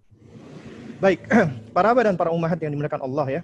Mungkin banyak yang bertanya khususnya dari dari kawan-kawan ya, penyelenggara sekolah ataupun guru-guru ya. Dan juga mungkin juga ada yang belum tahu ya. Nah, berkenaan dengan surat keputusan bersama Kementerian Pendidikan dan Kebudayaan, kemudian Kementerian Agama, Kementerian Kesehatan dan Kementerian Dalam Negeri. Ini adalah keputusan bersama yang yang mana ya mereka melakukan pertemuan pada tanggal 15 Juni 2020 berkaitan dengan penyelenggaraan pembelajaran pada tahun ajaran dan tahun akademik baru di masa pandemi coronavirus disease 19 COVID-19. Ya, nah itu di sini ya. Uh, saya akan menjelaskan sedikit saja ya. Ya ini tentang poin-poin penting ya. Yaitu ya uh, dari surat keputusan bersama ini ya diputuskan bahwasannya tahun ajaran baru ya itu dimulai sesuai dengan jadwal yang sudah umum pada bulan Juli 2020. Ini keputusan bersama. Sebelumnya itu memang ada wacana ya bahwasanya tahun ajaran baru itu akan ditunda ke Desember atau Januari ya. Tapi di dalam keputusan bersama ini ya, jadi pada saat dari uh, staf kementerian ya dan juga para menterinya berkumpul, ya jadi mereka tetap ya memutuskan bahwa tahun ajaran 2020-2021 dilakukan di bulan Juli. Nah, tapi dengan beberapa catatan penting di sini, yaitu untuk daerah yang berada di zona kuning, oranye, dan merah dilarang melakukan pembelajaran tatap muka. Ini harus digarisbawahi. Dilarang melakukan pembelajaran tatap muka di satuan pendidikan. Nah, jadi satuan pendidikan pada zona-zona merah, oranye, dan kuning harus dilakukan secara daring atau belajar dari rumah, BDR. ya. Dan jemaah sekalian, para abad dan para umat yang dimuliakan Allah, data per 15 Juni itu 94 persen ya ya itu kita berada di zona merah, zona orange, sama zona kuning. Hanya 6% saja itu dinyatakan zona hijau. ya Dari 85 kabupaten atau apa kota. Artinya, sebenarnya yang diperbolehkan untuk tatap muka adalah zona hijau. Itu pun juga dengan sejumlah apa namanya persyaratan. Ini menunjukkan ternyata 94 persen ya di negara kita itu dalam kondisi yang memang bahaya. Ya, Karena itulah ya dari uh, surat keputusan ini ya itu dari empat kementerian tadi mengambil keputusan bahwa dimulainya pembelajaran tatap muka untuk peserta didik ya ini ya jadi tetap mulai dari bulan Juli tapi secara daring boleh dilakukan pembelajaran secara tatap muka apabila zona sudah diputuskan hijau. Nih, ini kalau kita lihat ya di sini, apabila ada suatu kabupaten atau kota di dalam eh, apa itu sudah diputuskan bahwasanya menjadi zona hijau ya. Nah, jika masih belum zona hijau maka harus belajar ya dari apa rumah ya. Full penuh. Kalau iya, maka kita menunggu. Menunggu surat rekomendasi dari Pemda atau Kanwil atau kantor Kementerian Agama memberikan izin. Tidak memberikan izin, maka semua lembaga pendidikan melakukan pembelajaran tetap di rumah. Memberikan izin, maka setiap satuan pendidikan artinya setiap lembaga pendidikan, ya institusi pendidikan, sekolahan dan yang semisalnya itu harus memenuhi semua standar daftar periksa dan siap pembelajaran secara live langsung. Maksud saya adalah secara apa namanya eh, tatap muka, ya. Jika tidak dipenuhi, maka peserta didik tetap harus dilakukan ya pembelajarannya di rumah. Jika iya, maka setelah itu minta persetujuan orang tua. Diizinkan tidak untuk melakukan pembelajaran apa, tatap muka. Jika tidak setuju, maka daring. Jika setuju, maka peserta didik mulai melakukan pembelajaran langsung secara tatap muka. Tapi perhatikan para bapak dan para ibu sekalian, ya ini dilakukan secara bertahap, ya dilakukan secara bertahap. Nah, dikarenakan yang kita bicarakan di sini adalah untuk anak usia dini ya, ya jadi otomatis yang yang insya Allah apa namanya saya jelaskan di sini adalah untuk anak anak anak usia dini ya anak usia dini ya sebentar ya anak nah ini dia baik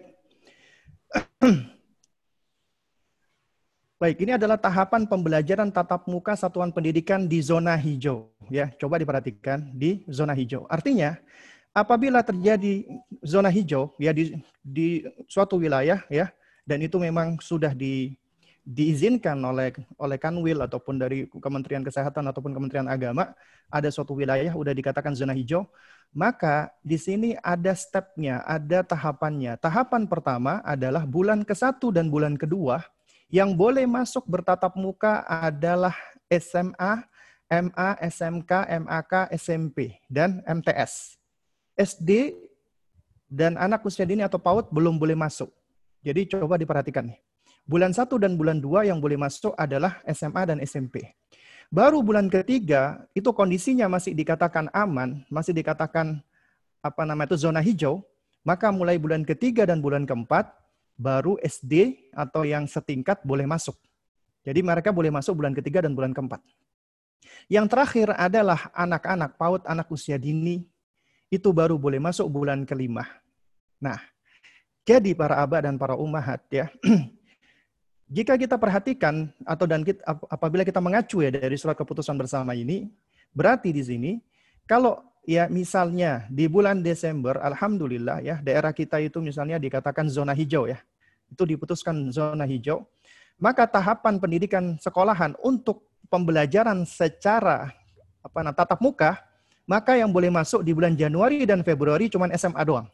Itu yang boleh masuk, cuman SMA doang, ya. Ya jadi yang boleh masuk di sini cuman SMA saja. Di bulan ketiga dan bulan keempat ya semenjak suatu wilayah dikatakan zona hijau baru SD. Bulan ketiga bulan keempat. Jadi SD boleh boleh masuk kalau Desember dikatakan zona hijau, ini Januari Februari berarti Maret dan April. Artinya anak usia dini baru boleh masuk di bulan Mei ya. Di bulan Mei itu baru boleh masuk.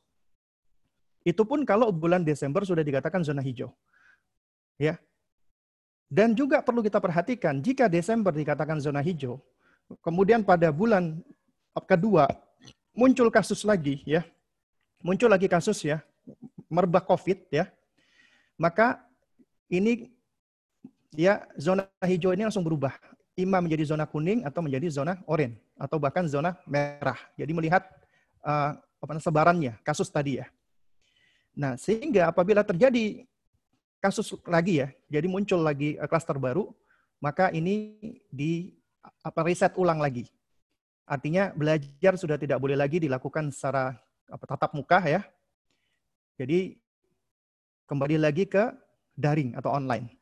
Sampai kondisi dikatakan zona hijau baru diulangin lagi mulai dari bulan satu bulan kedua untuk SMA, bulan ketiga bulan keempat untuk SD, bulan kelima baru untuk PAUD. Nah,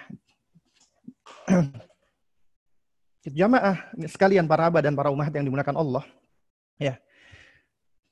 Jadi kesimpulan yang bisa kita ambil ya atau saya ambil ya Ya, itu kemungkinan besar untuk sekolah anak usia dini selama setahun ini kemungkinan besar kita akan sulit melakukan pembelajaran tatap muka.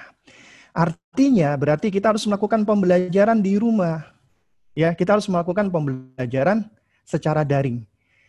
Nah, yang menjadi problem adalah anak SMA, SMP, termasuk anak SD, ya, khususnya yang udah SD kelas 3, kelas 4, usia murahik, itu sebenarnya mereka memang sudah lebih otonom. Artinya mereka sudah lebih bisa untuk secara mandiri melakukan pembelajaran sendiri. Tapi anak usia dini masih belum bisa.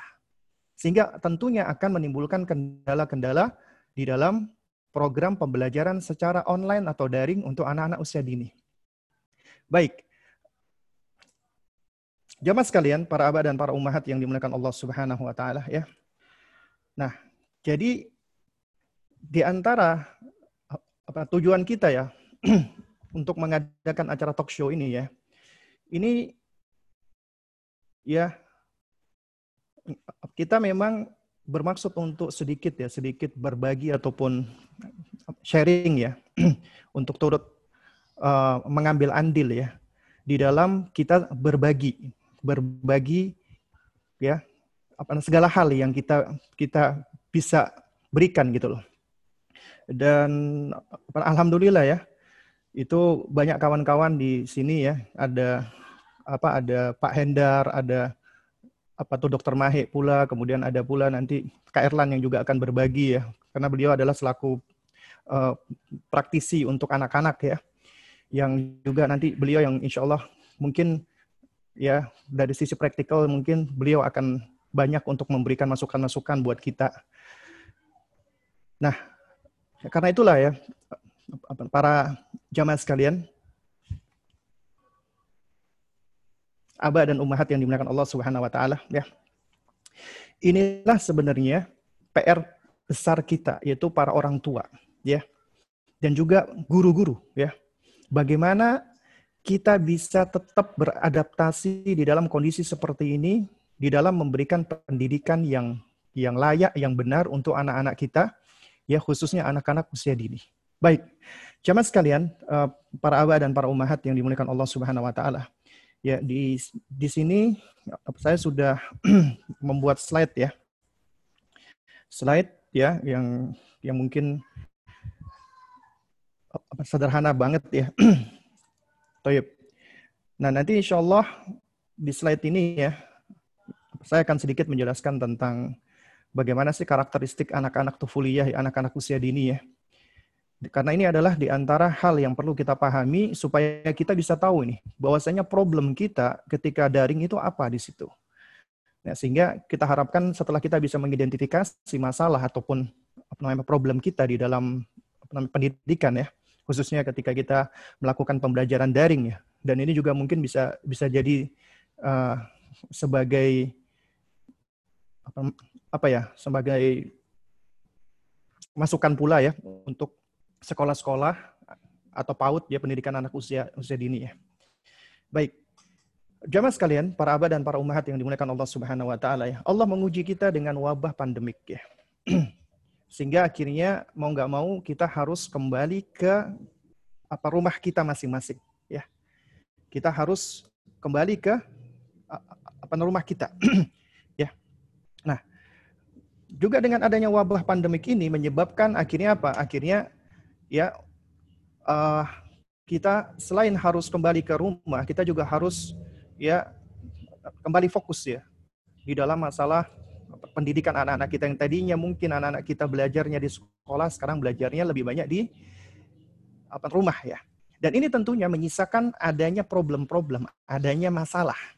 Nah, di antara masalah yang paling banyak ya, yang paling apa sering menimpa adalah pertama ini yang paling penting yaitu paradigma atau mindset berpikir kita para orang tua yang keliru. Ya, mindset yang salah Bagaimana kok bisa dikatakan salah? Karena menganggap ya anaknya belajar itu adalah hanya di sekolah saja. Jadi tempat belajarnya anak itu cuma di sekolah. Atau bahkan ada pula orang tua yang menjadikan sekolah sebagai tempat penitipan anak. Padahal anak itu amanat dari Allah. Amanat dari Allah untuk kedua orang tuanya. Kenapa? Karena orang tuanya, bapak dan ibunya, itu yang dengan sebab kauniyah Allah mereka menikah akhirnya mereka punya anak anak itu dititipkan kepada bapak dan ibunya masing-masing sehingga yang berkewajiban yang berkewajiban untuk mendidik sejatinya adalah orang tua makanya pendidikan pertama dan utama adalah orang tua di dalam buyutihim ya di dalam apa rumah mereka masing-masing Nah, oleh karena itu makanya yang harus kita dobrak dulu adalah paradigma berpikir yang keliru. Ya. Tempat belajar pertama dan utama anak-anak itu adalah di sekolah. Bahkan ini adalah apa namanya tempat ya anak-anak itu mereka banyak belajar tentang ya adab, tentang akidah yang benar, bahkan juga ya rumah itu adalah tempat membangun karakter mereka. Terus kemudian di antara problem berikutnya adalah banyaknya orang tua yang tidak melek dengan uh, teknologi. Ini juga apa namanya problem ya. Jadi nggak ngerti tentang masalah dunia internet, dunia online. Akhirnya apa? Akhirnya apa namanya terkendala gitu loh. Atau atau juga tidak ada sarana dan apa prasarana, tidak ada wasilah-wasilah yang bisa mensupport atau menunjang. Ya, misalnya orang tua yang nggak punya smartphone, jadi pakai handphone apa handphonenya handphone apa namanya feature phone biasa gitu loh.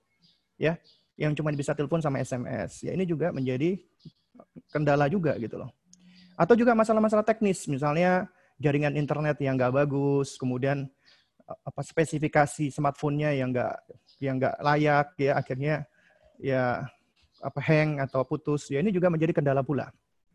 Dan kemudian yang tidak kalah penting adalah metode pembelajaran yang tidak tepat, nggak pas dilakukan secara online. Dan ini banyak banyak dikeluhkan. Banyak dikeluhkan oleh para wali murid oleh para orang tua ya. Saya udah belajar eh, saya udah membayar sekolah mahal-mahal kok dapatnya cuma begini-begini aja gitu loh.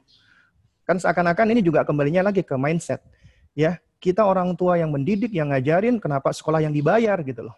Jadi ternyata apa? Apa yang diberikan oleh sekolah ya untuk memfasilitasi orang tua di dalam pembelajaran anak-anaknya ternyata tidak efektif ataupun kurang pas. Akhirnya terjadi fenomena bosan yang nggak efektif pula ya. Dan akhirnya menimbulkan problem-problem lain. Ini ya di antara sejumlah problem ya studi from home ya ketika wabah pandemik. Nah, cuman di antara hikmahnya jamaah sekalian para abah dan para umat yang dimuliakan Allah. Ya. Bahwasanya setiap musibah yang Allah Subhanahu wa taala turunkan kepada hamba-hambanya selalu ada hikmahnya, selalu ada pelajarannya. Nah, di antara hikmahnya ketika Allah Subhanahu wa taala menguji kita dengan adanya wabah pandemik ini banyak sekali hikmahnya. Nah, di antaranya adalah kita bisa kembali ke apa rumah kita masing-masing. Dan rumah itu adalah sekolah pertama dan utama. Karena kita nggak bisa pungkiri, rumah itu institusi pendidikan pertama bagi anak manusia. Manusia itu lahir, ya bertumbuh dan berkembang di rumahnya. Mereka menyerap pengetahuan, ya yang paling pertama kali mereka serap adalah dari rumahnya, dari orang tuanya, dari bapak ibunya, dari lingkungannya yang paling dekat dengan dia. Itu semua ada di dalam rumahnya. Karena itu makanya rumah adalah institusi pendidikan pertama bagi anak manusia. Kemudian juga di dalam rumah, dikarenakan dia institusi pendidikan, dia juga memiliki apa namanya elemen ya. Nah, di antara ya apa namanya elemen yang harus ada agar institusi pendidikan ini menjadi institusi yang baik, yang kuat, yang juga efektif, ya harus ada sosok ayah yang menjadi pemimpin di situ, menjadi kepala sekolahnya, yang menentukan visi, misi, tujuan, dan arah pendidikan. Kemudian juga harus ada sang ibu yang mungkin lebih banyak ya menjadi seorang ya, ya, apa namanya? Seorang apa namanya uh, ya sebagai seorang pendidik ya. Ya. Yang lebih banyak sebenarnya ibu ini ya itu berinteraksi dengan anak-anak terutama di usia-usia awal kehidupan anak. Karena anak sebenarnya di usia dini, apalagi usia 0 sampai 2 tahun itu lebih butuh ibunya dibanding bapaknya. Nah, sehingga makanya dia benar kiranya kalau ibu itu adalah apa namanya madrasatul ula, murabbiyah pertama, sekolah pertama. Kemudian juga kita nggak bisa pungkiri rumah itu pembentuk dasar utama karakter anak, mentalnya anak, sifatnya anak, moralnya anak, akhlaknya anak, kebaikan dan buruknya itu ada di dalam rumah. Dan yang nggak kalah penting lagi adalah rumah nikmat dari Allah Subhanahu wa taala ya yang harus kita syukuri, harus kita jaga, ya. Karena Allah Subhanahu wa taala yang menerangkan wallahu ja'ala lakum min buyutikum sakana. Allah menjadikan bagimu rumah-rumahmu sebagai sakana, tempat tinggal. Ya. Dikatakan sakana, ya, kata ini mungkin kita apa, sering mendengarkan kata sakinah, ya, ketenangan, ketentraman karena memang seharusnya rumah itu menjadi tempat ya kita bisa apa, tenang, tentram, damai adalah tempat kita beristirahat setelah kita beraktivitas. Itu adalah di dalam apa rumah ya. Baik. Jamaah sekalian para abah dan para ummahat yang dimuliakan Allah Subhanahu wa taala ya. Ya. Uh, ini saya menukilkan di sini ya dari sebuah kutayib yang sangat bagus sekali ya tulisannya Dr. Saad apa Riyad ya judulnya Kaifa Nuhabbibul Qur'ana li abnaina ya. Nah, beliau ketika menerangkan ya bagaimana sih caranya orang tua itu untuk menumbuhkan cintanya kepada Al-Qur'an ya dan ini ya eh, konsep-konsepnya itu adalah konsep-konsep yang sangat baik sekali ya. Dan kita pun juga sama, kita ingin supaya anak kita itu mencintai Al-Quran. Tentunya sebelumnya mencintai Allah, mencintai Rasulullah, ya, mencintai Islam, ya, mencintai hijab, mencintai salat dan semuanya.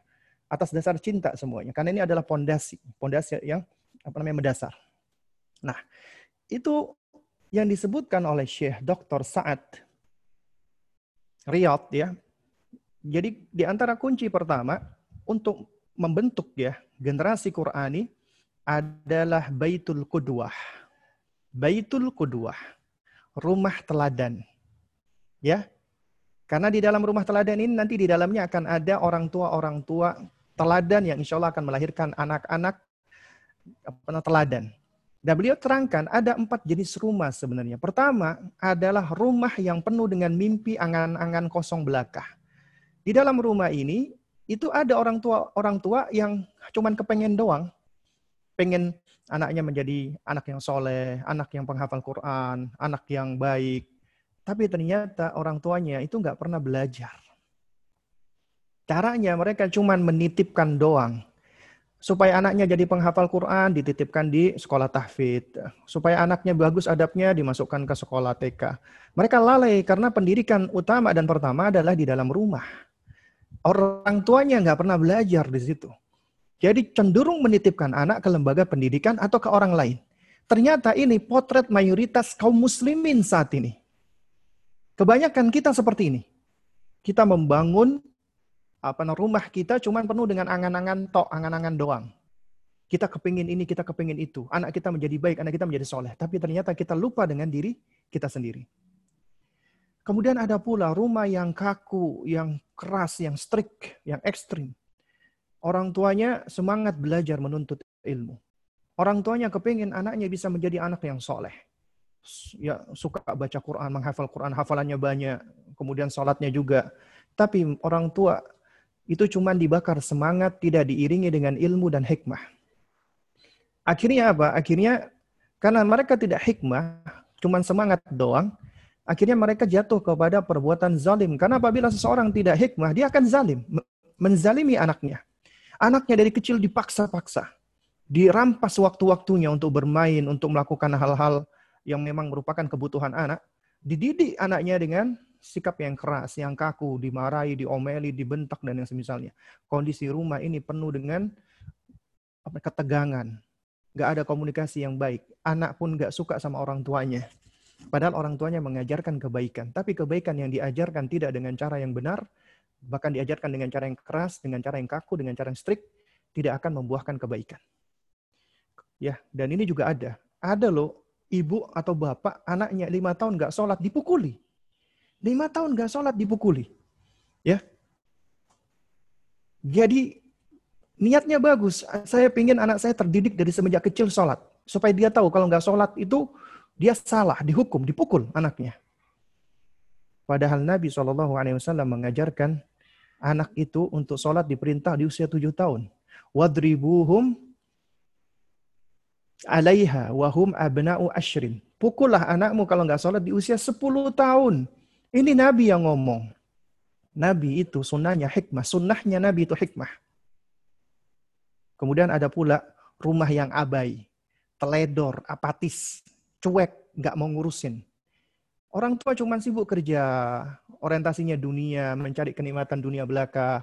Ya, dia mungkin sayang sama anaknya, anaknya difasilitasi dengan macam-macam. Dia bayar uh, nurse, ya bayar babysitter yang mahal. Itu anaknya dia, bukan anaknya babysitternya. Anaknya dipenuhi semua apa keinginan dunianya, tapi anaknya itu hatinya vakum, hatinya gersang dari cinta orang tuanya. Bahkan orang tuanya nggak begitu mempedulikan pendidikan anaknya, khususnya pendidikan agama, pendidikan yang dapat menghantarkan anak selamat di dunia dan selamat di akhirat yang paling penting. Gak pernah diajarkan kebaikan. Ini potret orang tua orang tua pengkhianat, mohon maaf. Potret orang tua pengkhianat. Kenapa? Karena dia mengkhianati amanat Allah Subhanahu wa taala. Dibiarkan anaknya mau jadi apa pun. Waliyadzubillah. Gak ngurusin anaknya. Anaknya yang perempuan ya yang ABG dibiarkan keluar dengan laki-laki, dibiarkan nggak berpakaian dengan pakaian yang layak, nggak ada girahnya terhadap anaknya, seakan-akan anaknya nggak ada harganya. Waliyadzubillah. Ya. Kemudian ada rumah Baitul Qudwah, rumah teladan. Ya. Rumah teladan adalah rumah yang di dalamnya itu ya di dalamnya ada seorang laki-laki suami yang bisa memberikan keteladanan, bisa menjadi pemimpin bagi orang-orang di dalam rumahnya. Juga di dalamnya ada seorang wanita yang bisa memberikan keteladanan untuk anaknya. Ya, orang tua yang memahami anak adalah amanat dari Allah sehingga mereka wajib menjaganya. Mereka akan mendidik anaknya dengan sepenuh hati, dengan kasih sayang. Dan mereka adalah orang tua yang semangat belajar, memperbaiki diri, dan mempraktekkan ilmunya. Karena namanya menjadi teladan itu harus harus diiringi dengan belajar dan mempraktekkan ilmu. Karena ilmu itu bentuk konkretnya adalah dalam bentuk perbuatan, amalan. Perbuatan dan amalan ini yang akan menjadi contoh. Karena anak itu akan mencontoh sesuatu yang konkret. sesuatu yang konkret bagi anak itu adalah orang tuanya. Karena itu pula orang tua harus memahami fase dan perkembangan anak. Ini yang sering kali dilalaikan dan nggak dimengerti oleh para orang tua para abah dan para umahat yang dimuliakan Allah. Yang mudah-mudahan waktu kita cukup ya, karena slide, slide saya ini agak sedikit panjang ya. Ya, nah. Tapi insya Allah di slide ini saya akan menjelaskan secara global-global saja. Nanti insya Allah mungkin di di waktu yang lain ya.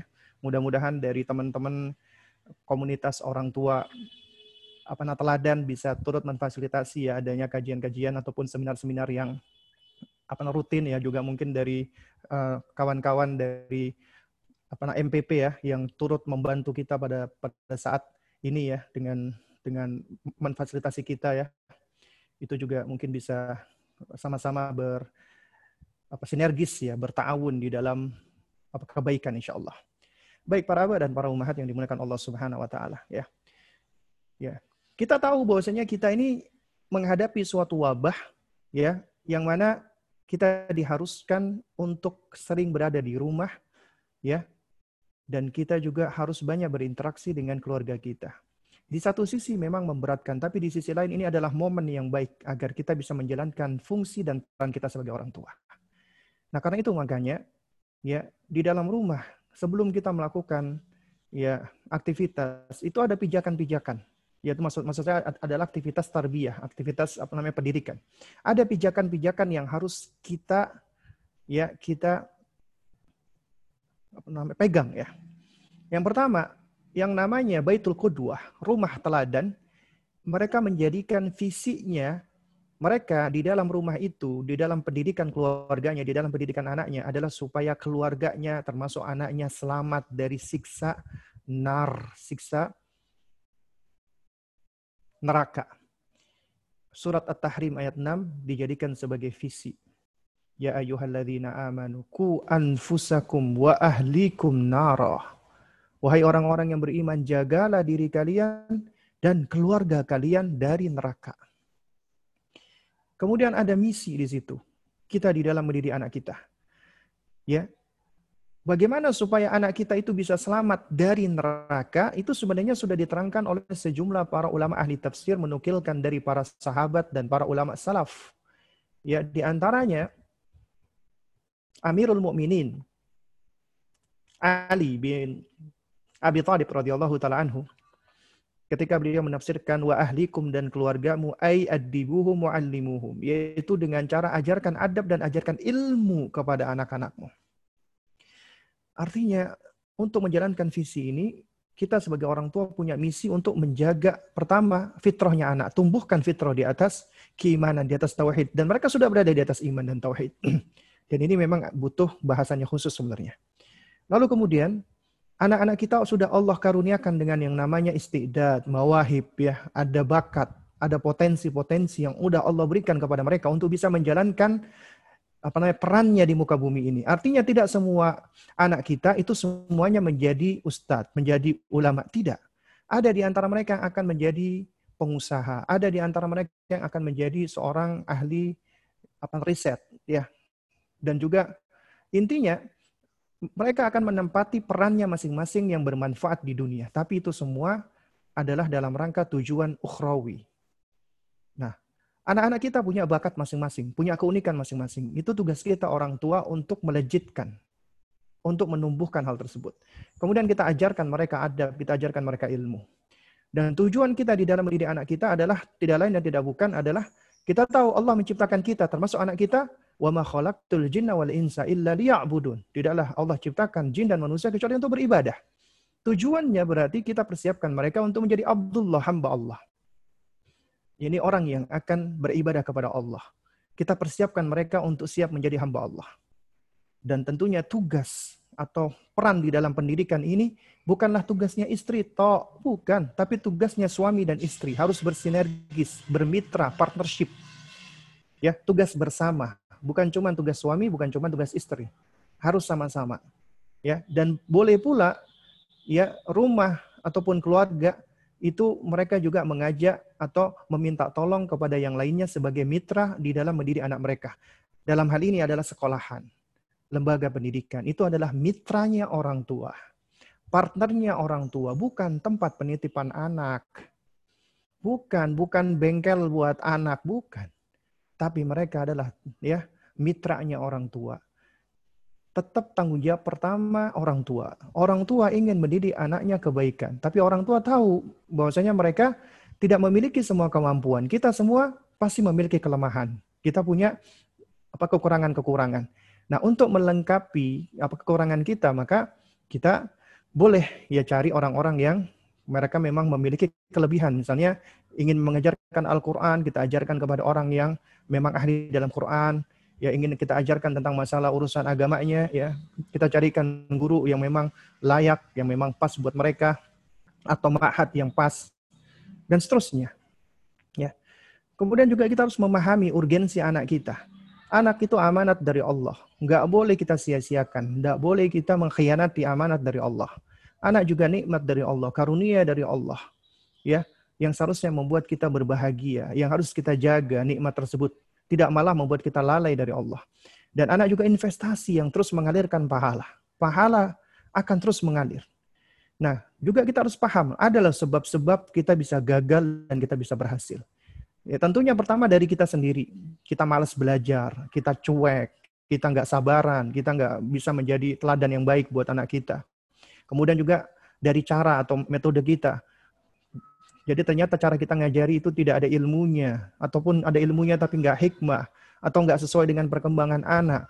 Kita ngajarinya dengan cara yang sulit dan yang semisalnya. Nah ini adalah pijakan-pijakan yang perlu kita pahami bersama. Dan ingat, wahai para abah dan para ummahat ya, anak-anak Anda itu adalah manusia sama seperti Anda. Allah karuniakan kepada mereka fitrah. Dan fitrah itu iman, Islam, tauhid ya. Dan ini saya uh, apa namanya? tidak ada apa kelapangan waktu ya untuk menjelaskan detail ya. Tapi mungkin insya Allah di waktu yang yang lain insya Allah. Ya, jadi yang pertama Allah sudah bekali kita dan anak kita itu fitrah. Ya, dan fitrah ini itu adalah maknanya Islam, iman, tauhid, ma'rifatullah, sudah meyakini la ilaha illallah, tidak ada sesembahan yang hak kecuali Allah. Ini adalah pertama yang harus kita pahami. Yang kedua, kita semua diciptakan bodoh, nggak punya ilmu, tapi Allah berikan kepada kita indera-indera untuk belajar. Kita bisa menyerap ilmu. Allah berikan kepada kita indera pendengaran, ya, wal absar, penglihatan, wal afida, indera pemahaman, penalaran kata Ibnu Ibnu Katsir adalah al-uqul, akal. Kemudian juga dari ini dari dari indera-indera ini pula ya. Allah sudah ternyata Allah sudah jadikan kepada anak-anak kita itu ada keunikan masing-masing, keistimewaan masing-masing yang mana mereka akan menjalankan perannya masing-masing. Artinya Allah sudah karuniakan ada bakat mereka, ada potensi mereka, istidat ya, mawahib ya. Kemudian anak kita juga anak-anak yang memiliki perasaan, bisa sedih, bisa marah, ya mereka punya wijdan, ya, punya apa emosi ya. Jadi mereka bukan apa robot yang cuma bisa disuruh-suruh doang dan juga ya juga suatu hal yang tidak bijak pula semua keinginan mereka itu di apa di apa namanya penuhi ya. Jadi terlalu di manjakan ya. Kemudian juga Allah berikan kepada anak kita adanya nafsu. Hawa nafsu, keinginan-keinginan. Dia ingin bersenang-senang, terus dia ingin hal-hal yang menghibur. Ini bagian dari apa tabiatnya. Juga enggak juga yang enggak kalah adalah Allah berikan kepada anak-anak kita juga yang namanya naluri. Gorizah ya. Dan ini uh, insya Allah jika apa namanya ada waktunya nanti bisa kita bahas karena ini item-item ini adalah item-item yang perlu dijabarkan. Cuman kita ketahui dulu hal ini apa secara global ya. Baik, anak-anak kita itu juga ya ternyata berfase dan bertahap ya. Ya ini juga bahasanya panjang ya. Cuman apa, saya akan jelaskan secara global aja. Ini sebagaimana yang disebutkan oleh Al Hafidh Ibnu Hajar al Asqalani ya di dalam kitab Fathul Bari ya Beliau menerangkan ya fasenya manusia itu ternyata ada apa 11 fase. Pertama janin, kedua apa sobi setelah dilahirkan sampai usia 2 tahun ya ketika mereka masih disusui ya. Artinya apa sobi bayi. Kemudian baru usia gulam. Gulam itu usia semenjak disapih sampai usia ya apa tujuh tahun ya. Gulam ya atau usia tufulah ya usia kanak-kanak dan ini yang yang yang kita maksudkan di dalam bahasan kita pada saat ini. Gulam kemudian ada usia 7 sampai 10 yang sebagian mengatakan usia mumayyiz. Itu kalau defin apa kalau istilahnya Ibnu Hajar al Asqalani adalah usia yafi. Kemudian ada usia hazawar usia 10 sampai 14 atau 15 tahun. Kemudian usia kumud 15 sampai 25 kemudian anat-nat ya 25 sampai 30, kemudian sumul ya 30 sampai 40, 40 sampai 50 disebut dengan kahal atau apa kuhula. Kemudian baru 50 sampai 80 itu usia apa suyukhah dipanggil syekh, biasanya usia 50 sampai 80 tahun. Baru kemudian usia sudah uh, benar-benar jompo di atas 80 tahun sampai meninggal dunia. Ya. Nah, kalau mungkin secara simpelnya ya itu kita bagi menjadi tiga. Tufulah, mumayyiz, sama murahik. Tufulah anak di bawah 7 tahun. Mumayyiz 7 sampai 10 tahun, murahik 10 sampai 14 tahun. Ini istimbatnya adalah hadis perintah tentang sholat. Karena Nabi memerintahkan anak untuk sholat di usia 7 tahun. Berarti 7 sampai 10 adalah fase anak belum diperintahkan sholat. Tapi ternyata itu fase bagaimana kita mempersiapkan anak kita supaya mereka siap untuk sholat. Kemudian diperintahkan sholat di usia 7 sampai 10 tahun. 10 baru sudah boleh dihukum. Ya ini kita sebutkan global-global saja. Kemudian para abah dan para ummahat yang dimuliakan Allah Subhanahu wa taala. Banyak di antara kita orang tua nggak nggak mengenal tentang sifat dan karakteristik anak-anak usia dini. Kita sering kali menganggap mereka itu sama seperti kita orang dewasa. Dianggap mereka sudah ngerti gitu loh. Sedikit-sedikit melakukan sesuatu udah kita komentari, bahkan kita kasari, bahkan kita omeli, bahkan kita pukul, kita hukum dan yang semisalnya. Padahal itu perbuatan yang tidak hikmah sama sekali. Ya, Bukan artinya anak usia dini tidak boleh dihukum belas, nggak boleh dihukum sama sekali, bukan. Tapi hukuman itu adalah metode terakhir benar-benar akhir. Karena yang pertama kali adalah kita harus menumbuhkan dulu kepada mereka ya tentang image positif mereka berkenaan dengan penciptanya Allah Subhanahu wa taala. Dan kita juga harus tahu tentang karakteristik mereka ya. Dan ini juga ya saya nggak bisa menjelaskan panjang lebar ya. Jadi ini uh, hanya global saja perlu kita ketahui. Ini apa saya nukilkan dari kitab Kaifa Turabbi Abna'aka. Bagaimana engkau mendidik anakmu? Ya, tulisan Syekh Ahmad bin Nasir atau Yar ya. Hafizahullah taala. Karakter yang pertama adalah kasratul harakah wa adamul istiqrar.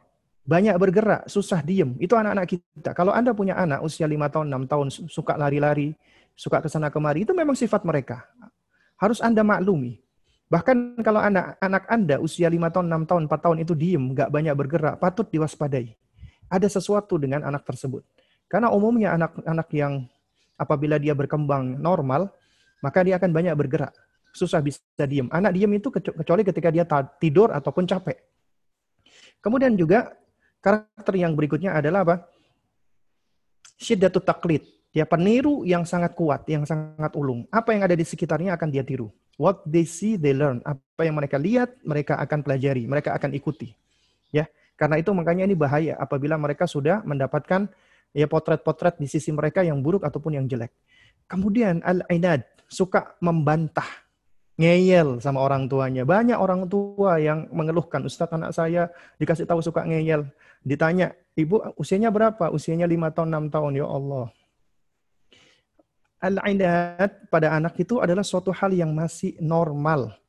Mereka itu sedang mempelajari, sedang mengeksplorasi dirinya, keinginannya, emosinya, pengetahuannya, kemudian dia belajar untuk merespon, dan seterusnya. Nah, jadi ketika anak itu suka ngeyel, suka membantah, itu bagian daripada perkembangan ya karakternya mereka, ya dari sifat-sifatnya mereka, ya. Oleh karena itu makanya kita harus hikmah, ya jadi jangan ketika ngeyel kita udah bilang kamu anak durhaka kamu jangan ya. Kemudian juga anak usia tufula ini usia di mana mereka belum apa namanya? ada mutamyiz baina shawab wal khata. Belum bisa membedakan mana yang benar dan mana yang salah karena mereka belum mumayyiz ya. Masih belum tahu mana benar dan mana yang salah. Ya. Kemudian juga apa namanya kasratul as'ilah, banyak bertanya, dikit-dikit nanya. Misalnya dikasih tahu uminya, dia nanya terus, ini apa? Kenapa? Apa? Kenapa? Kenapa? Kadang-kadang kita sebagai orang tua nggak nggak sabaran, udah kamu banyak nanya kamu gitu kan. Padahal ini adalah fase mereka ketika itu sedang ya mengeksplorasi, dia pengen apa rasa ingin tahunya besar gitu loh. Jadi seharusnya kita orang tua sabar dan kita fasilitasi rasa ingin tahunya. Kemudian juga apa? Ya, uh, ya itu apa namanya? Kasratu ada aliyah ya. Jadi anak itu memiliki memori, ingatan yang sangat tajam. Jadi apa yang apa yang mereka lihat, apa yang mereka dengar biasanya akan lebih mudah untuk mereka hafalkan. Kemudian juga selain itu mereka hubut tasji, senang didorong, senang dimotivasi. Ya. Jadi beda ya. Menyuruh, memerintah dengan memotivasi beda ya. Ya, harus dibedakan antara merintah nyuruh-nyuruh dengan memotivasi mereka beda. Anak itu senang dimotivasi. Ayo nak, ayo ya, makan yang banyak. Kamu kalau makan yang banyak, kamu masya Allah, kamu akan kuat, kamu akan gini. Ayo nak, jadi itu bahasa-bahasa tasjid. Kita mendorong mereka. Kemudian juga mereka usia yang apa namanya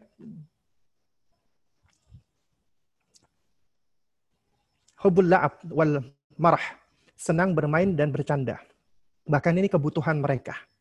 Ya. Kemudian juga mereka punya karakter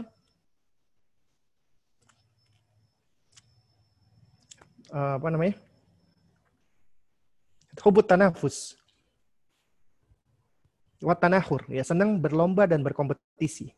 Jadi anak-anak itu kalau biasanya ada kawannya atau ada kakaknya, misalnya ya uh, mereka diminta untuk berlomba dikasih kuis jawab-jawaban atau misalnya dikasih lomba untuk melakukan sesuatu, mereka lebih bersemangat ketimbang mereka sendirian. Ini karakternya mereka. Dan at-tafkir al-khayali, masih berpikir imajinatif, suka menghayal. Ya. Nah, ini memang ya kalau dibahas memang panjang ya, cuman ini kesempatan saya untuk membahas dulu ya secara global. Nah, oleh karena itu, jika kita ingin menjadi menjadi pendidik ya, orang tua ataupun guru yang teladan karena ya baitul qudwah di dalamnya itu harus ada ya apa namanya murabbi pendidik-pendidik yang bisa menjadi kudwah. Nah, di antaranya supaya kita bisa menjadi teladan yang baik, kudwah yang baik, kita harus memahami karakter-karakter mereka. Karena itu makanya fahami anak Anda bukanlah WA, bukanlah wadah yang bisa langsung diisi begitu saja tanpa dipersiapkan. Banyak orang tua lihat uh anaknya golden age untuk menghafal, diisi dengan berbagai macam pengetahuan. Ya. Karena menurut mereka kalau semakin banyak diisi, itu semakin baik. Padahal padahal tidak demikian, ya. Yang seharusnya lebih kita dahulukan adalah kita melakukan apa namanya preparasi, persiapan-persiapan, khususnya mendidik hati anak. Karena ini fasenya momennya.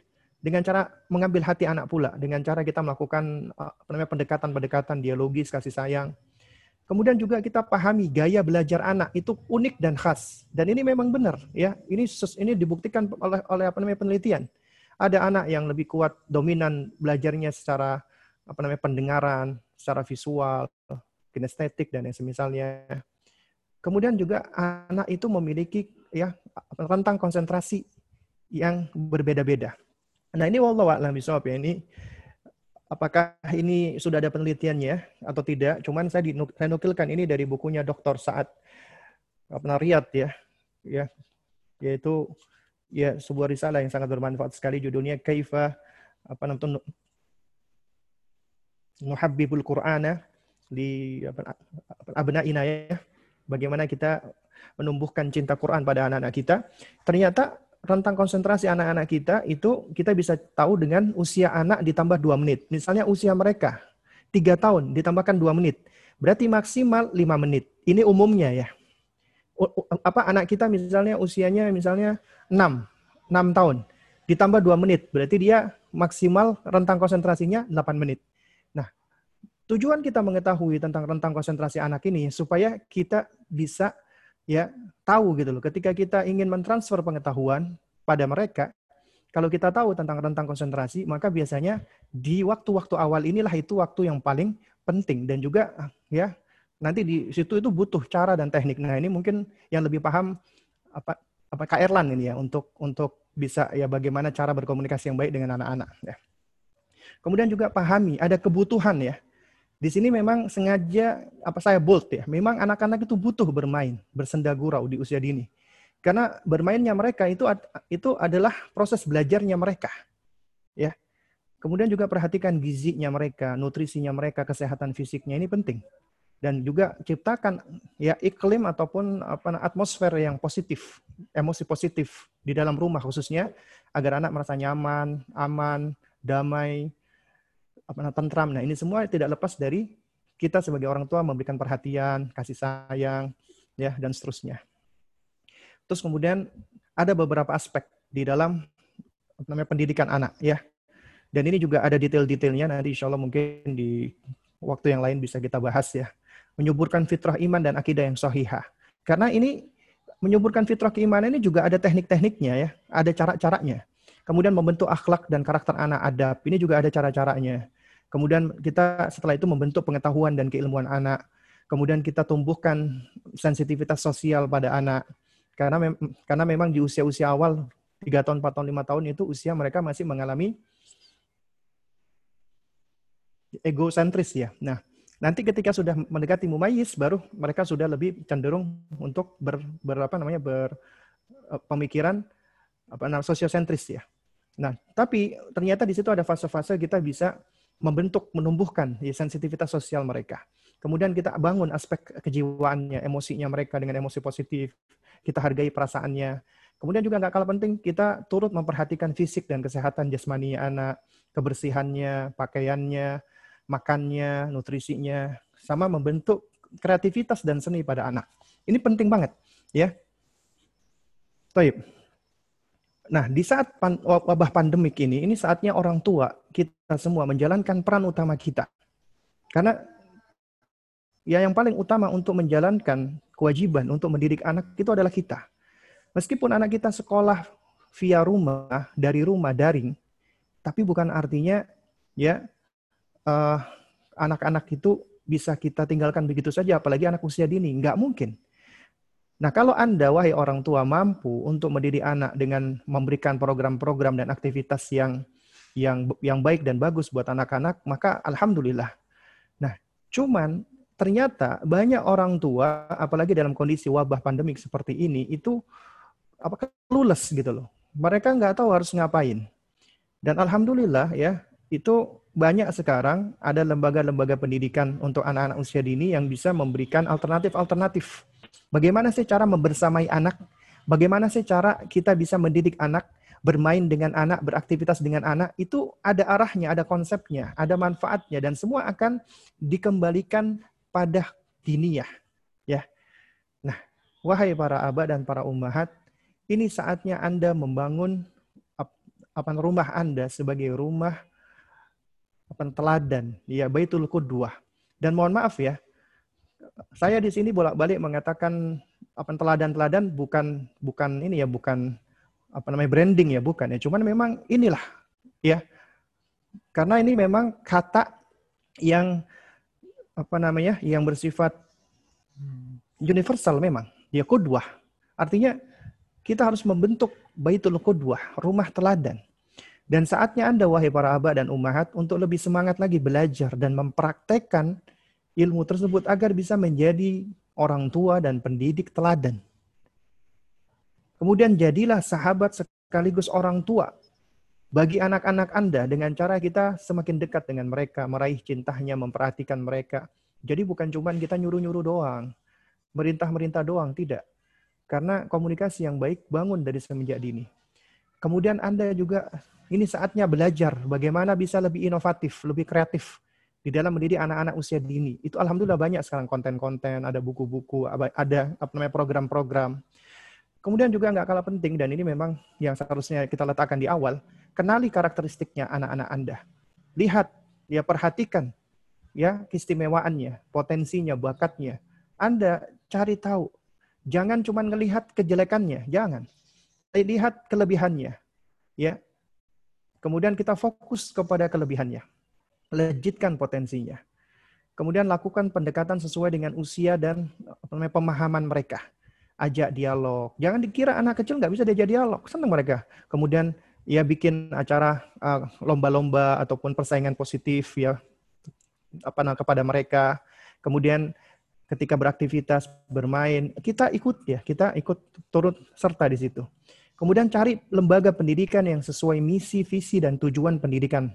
Ya, dan ketika Anda mencari lembaga pendidikan tersebut, lihat misinya, lihat visinya, lihat tujuannya, lihat prakteknya. Ya. Nah, ini adalah perkara-perkara yang perlu Anda apa namanya perhatikan ya. Baik. Uh, jamaah sekalian para abah dan para umahat ya, ini dan apa namanya? Uh, saya mohon maaf ya kalau agak apa cepat ya dikarenakan memang apa namanya waktu ya yang apa namanya yang sangat uh, terbatas ya. Ya baik ya jamaah sekalian para abah dan para umahat yang mudah-mudahan yang sedikit ini bisa bisa memberikan manfaat ya. Baik untuk selanjutnya waktu dan tempat apa saya kembalikan lagi kepada uh, saudara uh, Hendar ya.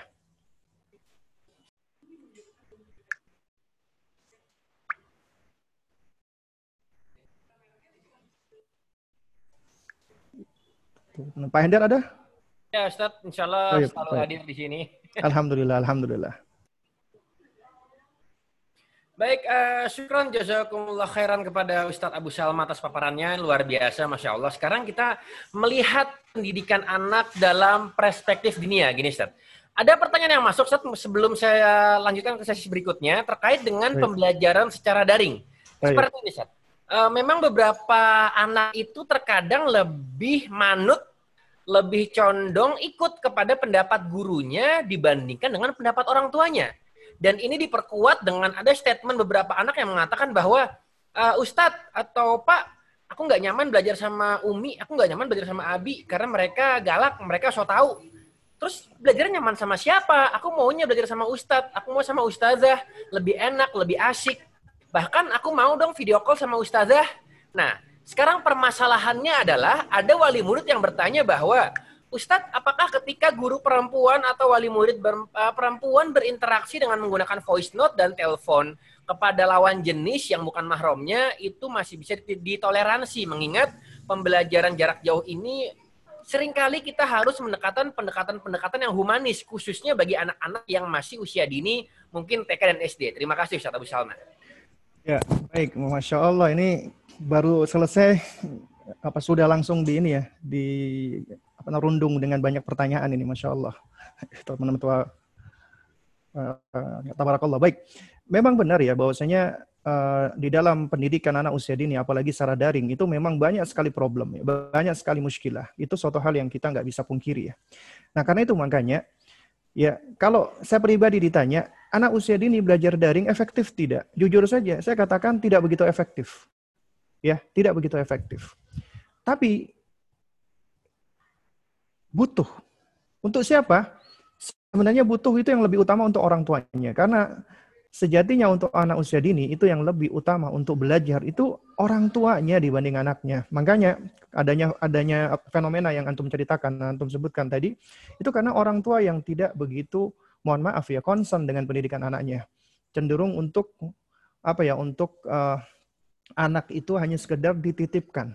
Jadi tugasnya saya ya sebagai orang tua itu cuman nyari duit bayarin sekolah anak sekolah sama gurunya. Padahal ya itu sekolah pertama buat anak-anak itu adalah orang tuanya. Ya memang benar orang tua itu bukanlah uh, orang yang sempurna pasti juga punya kelemahan-kelemahan, ada kekurangan-kekurangannya. Tapi tetap ya, ya uh, orang tua harus berusaha hadir membersamai anak. Meskipun misalnya orang tua taruhlah dia nggak bisa ngajarin anaknya tentang matematika, ya. Cuman dia tetap harus hadir, membersamai, dan dia harus misalnya anak ini pengen belajar matematika yang bisa ngajarin gurunya. Mungkin dia bisa minta tolong di apa fasilitasi oleh sekolahan ya kemudian akhirnya ya si anak ini dia bisa belajar. Nah, cuma dalam artian secara umum ya anda orang tua tidak mesti harus ngajarin semua pelajaran-pelajaran sekolah Anda. Kalau kita ngomong anak-anak usia sekolah, tapi anak usia dini ya itu adalah momen bagi Anda. Artinya Anda mampu untuk ya belajar dan Anda mampu untuk melakukan aktivitas-aktivitas yang tepat buat anak-anak Anda. Ya. Dan ini mohon maaf ya, ini uh, apa namanya sekali lagi bukan bukan iklan ya, tapi iklan ya. ya kayak misalnya contohnya ya, kami ya dari sekolah anak apa namanya teladan ya, ini memang uh, sekolahan yang masih baru banget ya, baru berjalan dua tahun. Dan juga ketika ada wabah corona COVID-19 ini, ini juga suatu hal yang sangat berimbas kuat ya. Karena kita meyakini ya pembelajaran anak usia dini yang paling efektif adalah secara tatap muka. Karena pembelajaran adab nggak bisa dilakukan secara daring tadi ya. Apa sebagaimana tadi yang sudah dijelaskan oleh apa disinggung oleh Pak Hendar tadi. Nah, tapi ternyata ada sisi-sisi positif. Apa itu sisi positifnya? Ini ternyata lebih sesuai dengan visi misi kita ketika kita menjadikan orang tua sebagai mitra, partner. Kita awalnya diawali dengan ya keyakinan bahwasanya pendidikan anak usia dini seperti PAUD itu tidak begitu dibutuhkan. Kenapa? Karena anak-anak itu butuh belajar sama orang tuanya. Tapi ternyata melihat fakta, melihat apa namanya, melihat kenyataan, ternyata banyak orang tua yang mengalami apa kelulus, nggak tahu harus ngapain ini anaknya. Nah, sehingga dari sehingga dari situ akhirnya kita memutuskan untuk membuat lembaga dan visi kita adalah sebagai mitranya orang tua, partnernya orang tua di dalam ya apa namanya membangun ya agar bisa menjadi anak-anak yang teladan. Tapi anak yang teladan nggak mungkin bisa terbentuk dengan izin Allah tanpa orang tua yang berusaha untuk menjadi orang tua teladan, ayah teladan, ibu apa teladan. Karena kuncinya ada pada mereka pula. Karena itu makanya melibatkan orang tua itu suatu hal yang harus niscaya, apalagi di dalam pendidikan anak usia dini. Nah karena itu apa namanya program-program dari dari kami, dan mungkin ini juga bisa menjadi contoh ya buat eh, sekolah-sekolah lain dan mungkin ya sekolah-sekolah lain mungkin ya apa namanya mungkin sudah lebih duluan dan juga sudah lebih lebih ngerti atau lebih mahir dibandingkan kita ya. Jadi ya kita ketika melakukan pembelajaran ya, jadi kita memang harus melihat aspek perkembangan anak sesuai dengan usianya. Karena itu makanya di dalam program daring nanti anak usia anak apa anak-anak dari dari sekolah anak apa teladan kita daring itu cuman sepekan dua kali ya buat anak-anak. Itu pun sebenarnya banyak, ya. Nah, itu waktunya singkat. Yang itu pun juga dipilah. Daring pertama adalah buat anak-anak, daring yang kedua itu semacam activity class. Tapi ya di hari yang lain itu bukan artinya cuma belajar pada saat daring tidak. kita di situ memberikan konten, kita memberikan program, kita memberikan activity, dan itu pun ada apa standarnya, ada tujuannya, ya, ada aspek-aspek yang harus kita perhatikan dan semuanya itu dibingkai di dalam koridor diniyah, syar'i, ya. Apa tujuannya, ya. Jadi ini adalah suatu hal yang yang jelas. Tapi ini semua nggak bisa direalisasikan apabila orang tua tidak mau tidak mau membersamai. Karena itu makanya paradigma itu yang paling penting, ya Nah, ketika Anda punya anak, anak Anda nggak mau diajarin ya oleh oleh Anda misalnya ya, itu dikarenakan bilang kalau apa ibunya atau bapaknya galak dan yang semisalnya. Nah, ini berarti momen bagi bagi orang tua untuk untuk introspeksi gitu loh. Ya. Jadi uh, harus berusaha untuk memperbaiki. Artinya ternyata ini loh, kita dalam kondisi seperti ini kita sudah bisa mengidentifikasi problem pertama kita. Ternyata Anda sama anak Anda itu ada masalah komunikasi. Ketika Anda ngajarin anak Anda, Anda tidak bisa bersabar. Itu adalah salah satu problem yang harus segera diperbaiki di situ. Dan kita bukan menuntut Anda harus bisa semuanya, enggak. Tapi setidaknya Anda harus bisa menjadi orang tua yang membersamai anak Anda dengan cara yang lebih baik. Kemudian poin yang kedua tentang masalah muskilah-muskilah dalam pembelajaran daring, apalagi untuk ibu-ibu ya, maksud saya untuk guru-guru PAUD yang kebanyakan perempuan. Nah, ini memang suatu muskilah. Muskilahnya adalah memang kita ketika melakukan pembelajaran harus bertatap muka. Video harus nyala. Ya. Dan dan memang dari kami ya guru-guru yang pakai nikop itu memang kita anjurkan untuk copot. Karena itu makanya dalam pembelajaran apa kami meminta kepada orang tua supaya yang menemani membersamai ketika program daring adalah perempuan, ibunya, bukan bapaknya dan bapaknya ya kebanyakan sudah pada apa kerja ya.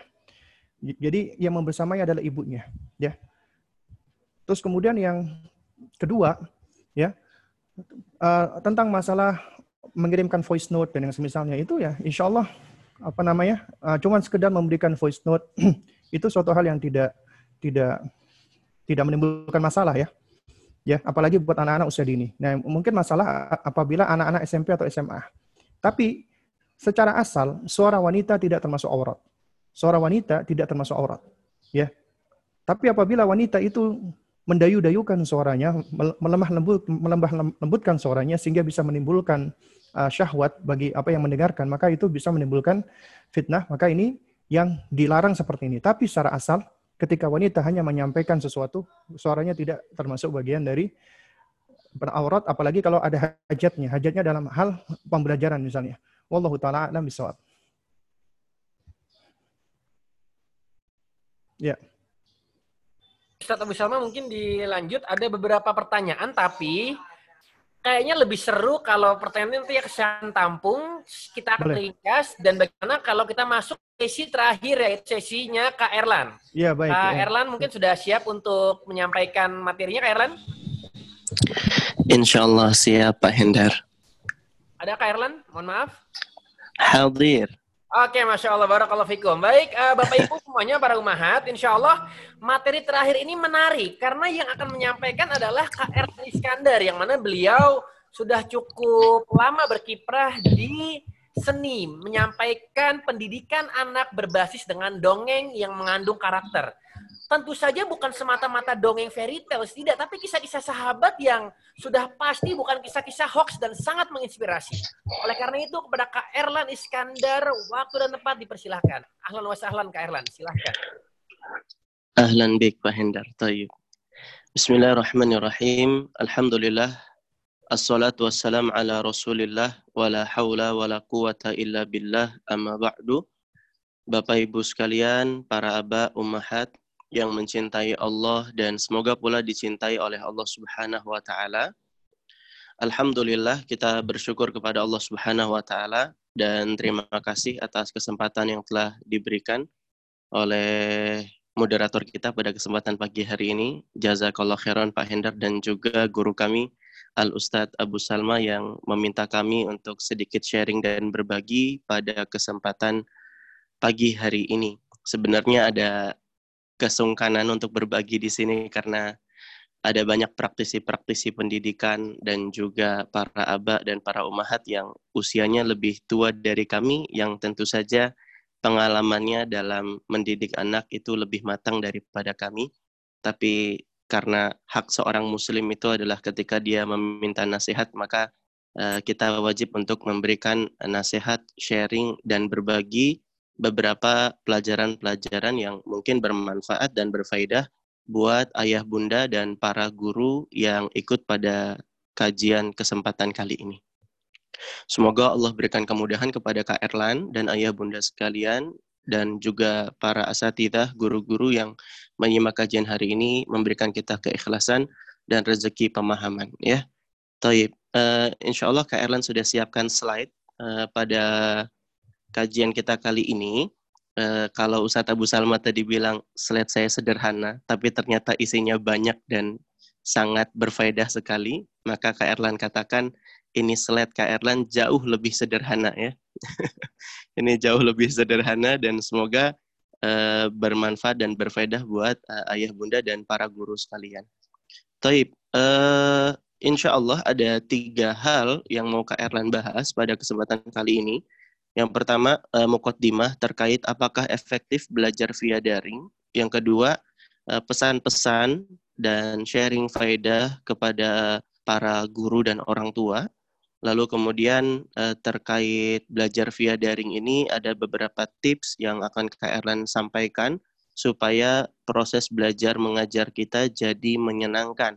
Apalagi fokus kita di sini adalah untuk anak-anak yang usia tufulah, yaitu usia yang belum mumayyiz ya, rentan antara uh, eh, 2 sampai 7 tahun sebagaimana yang tadi kita lihat pemaparannya dari Ustadz Abu Salma hafizahullah taala.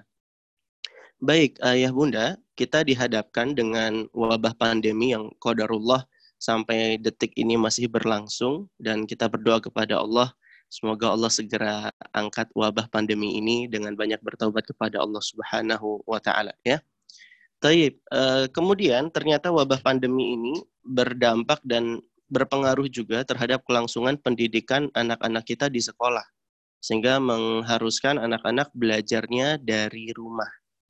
Belajar dari jaringan atau biasa kita sebut dengan daring ya. Dan apakah pelajaran untuk anak usia dini yang notabene dia belum mumayyiz, yang mana kata para ulama, standar mumayyiz itu di antaranya adalah fahmul khitab, yaitu memahami konteks pembicaraan, lantas kemudian akalnya sudah mulai sempurna berkembang gitu ya.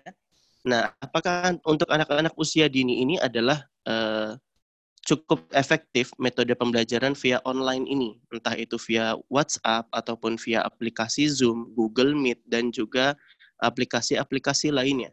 Apakah efektif? Tentu jawabannya adalah sebagaimana yang dikatakan oleh guru kami, Al Ustadz Abu Salma tadi, Tentu belajar via daring itu tidak akan seefektif kalau kita belajar langsung tatap muka ya. Karena ada banyak nilai-nilai yang tidak bisa ditransfer yang tidak bisa menggantikan ketika kita belajar secara langsung tatap muka ya. Akan tetapi kaidah menyebutkan ma la jika kita tidak dapati seluruhnya maka jangan tinggalkan semuanya oleh karenanya, uh, belajar via daring untuk anak-anak kita yang usia dini itu masih sangat kita butuhkan untuk membantu peran kita sebagai orang tua untuk bisa mendidik anak-anak kita lebih baik ke depannya. Tayyip. Dari sini kita sepakat ya dan berdasarkan eh, pemaparan fakta dari Ustadz Abu Salma tadi eh, rata-rata sekolah-sekolah itu masih belajar via daring sehingga diangkatlah materi kajian talk show pada hari ini yang semoga nanti mencerahkan dan menginspirasi para aba, para umahat, dan juga guru-guru praktisi pendidikan di sekolahnya masing-masing. Toib, uh, sebelum kita melanjutkan uh, pembahasan inti kita, Kairan tadi ingin menanggapi dan menambahkan ya uh, sedikit keterangan dari Ustadz Abu Salma yang sudah membahas tentang paradigma-paradigma sebagai orang tua. Sekiranya ayah bunda, para aba, para umahat sudah bisa mengejawantahkan paradigma tersebut di dalam kesehariannya, insya Allah akan uh, lebih mudah proses belajar anak-anak kita. Nah, di sini Kak Erlan ingin menambahkan ada tiga pesan yang Kak Erlan singkat dengan 3K bagi para orang tua ketika mendidik dan membersamai anak-anaknya di mana pada kesempatan akhir-akhir ini anak-anak diharuskan untuk belajar via daring ya. Pesan dari Erlan untuk orang tua ada 3K. Yang pertama komunikasi, yang kedua kelekatan, dan yang ketiga adalah kesabaran. Tiga pesan ini adalah lanjutan dari pembahasan Ustadz Abu Salma sebelumnya ya. Semoga Allah berikan kemudahan kita untuk membahas poin ini satu persatu. Yang pertama, dalam hal komunikasi ya. Orang tua tidak boleh cuek, orang tua harus rajin mengontrol, harus rajin mengajak berbicara dan berbincang-bincang anaknya, mendampingi anak-anaknya meskipun belajarnya itu via daring. Ya, dan inilah yang dicontohkan oleh Nabi kita Nabi Muhammad Alaihi Wasallam betapa Nabi itu sangat ramah dan begitu rendah hati ya eh, tidak segan-segan mengajak ngobrol anak-anak ya. sebagaimana kisahnya Abu Umar anak kecil yang baru saja uh, ditinggal mati burung kesayangannya ya kemudian Nabi ajak ngobrol ya Abu Umar ma fa'ala nughair ya dari dalil ini para ulama banyak menjelaskan bahwa ini bentuk ketawaduan Nabi yang sering sekali dan begitu senang mengajak ngobrol anak-anak. Dan dari sini kita jadi mengambil pelajaran ayah bunda, para ibu sekalian dirahmati oleh Allah Subhanahu wa taala, pentingnya orang tua untuk tidak cuek ya. Pentingnya ayah untuk tetap mengontrol karena ayah itu bukan mesin ATM yang fungsinya memberikan uang dan nafkah saja, tapi ada proses pengajaran, pendidikan, nilai-nilai dan juga adab-adab dari ayah dan juga ibu sebagai sekolah pertamanya. Oleh karenanya ada beberapa teknik uh, psikologi komunikasi yang ayah bunda nanti bisa terapkan ketika membersamai anak-anaknya yang sedang belajar daring ya. Yang pertama ada teknik uh, cognitive interview. Ini adalah semacam teknik di mana kita menggali informasi, memancing anak untuk bercerita, ya, apa saja yang dia dapat didapatkan dari proses belajar via daring bersama ustadz, ustadzah ataupun guru-gurunya di sekolah seperti itu. Kita ajak, kita review, kemudian kita arahkan. Nah, ini peran yang tidak boleh tidak harus diambil oleh orang tua ketika anaknya belajar via daring. Sehingga tidak dilepaskan begitu saja, tidak dibiarkan begitu saja harus ada komunikasi, digali informasinya, diajak ngobrol ya. Bahkan tidak ada metode paling yang bisa mendekatkan anak dengan orang tua kecuali dengan metode mengobrol dan berbincang-bincang ini. Lalu kemudian eh, dalam bab komunikasi ini juga ayah bunda penting untuk menggiring opini anak-anak kita supaya anak-anak itu termindset bahwa belajar via daring itu adalah belajar yang menyenangkan dan belajar yang mengasyikkan. Ini peran orang tua untuk bisa eh, menghadirkan atmosfer belajar yang menyenangkan meskipun dari rumah. Ya, karena kan guru sekarang posisinya sudah bisa sudah tidak bisa bertetap langsung dengan anak. Sehingga orang tua yang harus punya peran membuat mindset anak kalau belajar via daring itu juga menyenangkan begitu ya. Makanya eh, ada seni-seni komunikasi yang nanti ayah bunda bisa terapkan supaya anak-anak itu nggak bosan belajar via daring. Karena kebanyakan fenomenanya sekarang anak-anak itu sudah bosan belajar itu tidak apalagi guru-gurunya ngasih banyak tugas wah sudah itu anaknya sedih kadang-kadang ibunya juga makin sedih ya karena ibunya punya tanggung jawab untuk ngumpulin tugas gitu kan ya apalagi gurunya itu ada bermacam-macam dan tiap guru tugas dan PR kepada anak-anaknya. Ah, ini yang muskilah. Wallahul musta'an. Nah, oleh karenanya, ini PR ayah bunda untuk bisa menggiring opini anak-anak supaya belajar via daring itu juga asyik dan nikmat. Nah, makanya di antara teknik mengkondisikan yang nanti ayah bunda bisa pakai, ada di antaranya namanya teknik double bind. Teknik double bind itu menggiring opini kepada anak dengan dua pilihan yang sebenarnya hakikatnya itu sama gitu. Misalnya gini, ketika anak lagi main ini case ataupun contoh kasus realnya ya. Ketika anak lagi asik main, padahal ini adalah jamnya untuk belajar. Nah, maka sebagai orang tua ini penting untuk uh, memakai teknik ini. Jadi kita tawarkan dua pilihan yang uh, hakikatnya sama meskipun dengan redaksi kalimat yang berbeda. Nah, mainnya mau berhenti dua menit lagi atau tiga menit lagi. Karena sebentar lagi kita mau belajar seru nih sama Ustadz via Zoom misalnya begitu. Nah, kita nggak masalah anak ini mau berhentinya dua menit lagi atau tiga menit lagi. Tapi yang jadi inti kita, substansinya di sini adalah gimana anak-anak ini mainnya segera berhenti karena mau belajar gitu. Nah, ini namanya teknik double bind ya. Orang tua perlu menggiring anak-anak supaya uh, mereka itu siap mentalnya, konsentrasinya ketika belajar bersama ustadz dan ustadzahnya di sekolah via aplikasi begitu.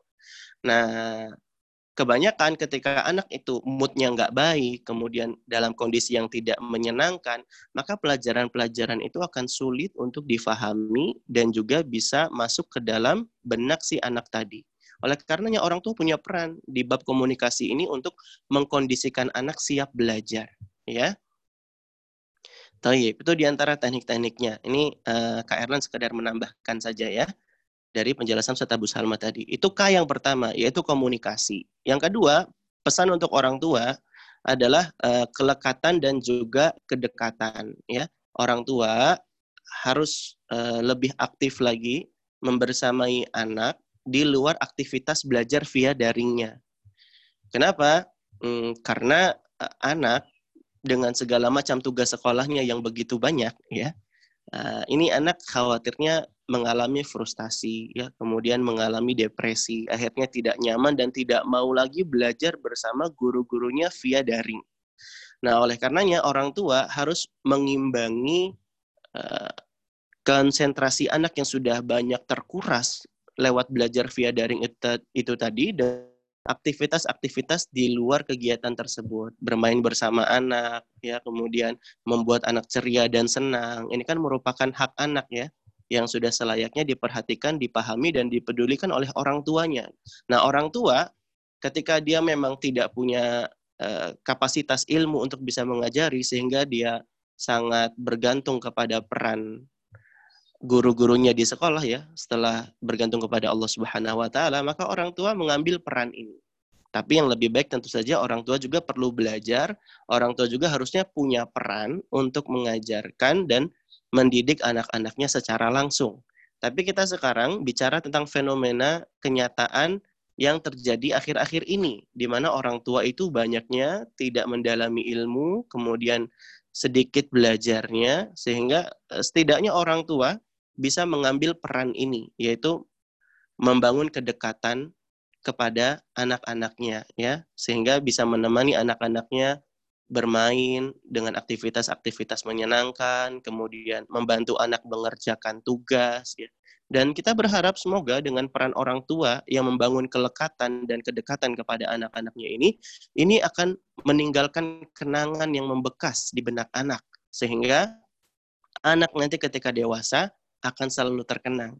Di mana orang tuanya ternyata selalu membersamainya. Dan inilah yang membuat apa pun yang kita ajarkan kepada anak itu jadi membekas. Bukankah kita ingat kisahnya uh, Nabi Yusuf alaihissalam ya, ketika dia digoda oleh seorang uh, istri dari raja, di mana Allah Subhanahu wa taala berfirman di Quran surat Yusuf ayat 24, "Walaqad hammat bihi wa hamma biha." Dan sungguh perempuan itu telah berkehendak kepada Yusuf dan Yusuf pun sebenarnya berkehendak kepada wanita tersebut.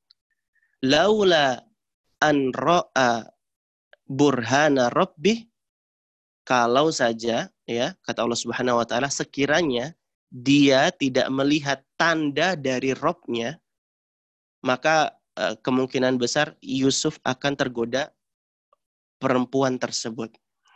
Nah, di dalam ayat ini ada kalimat di mana Yusuf menggagalkan keinginannya karena melihat tanda dari robnya. Dan Ibnu Katsir menjelaskan bahwa ada banyak riwayat yang menjelaskan makna dari tanda dari robnya ini, makna dari kata burhana robbi.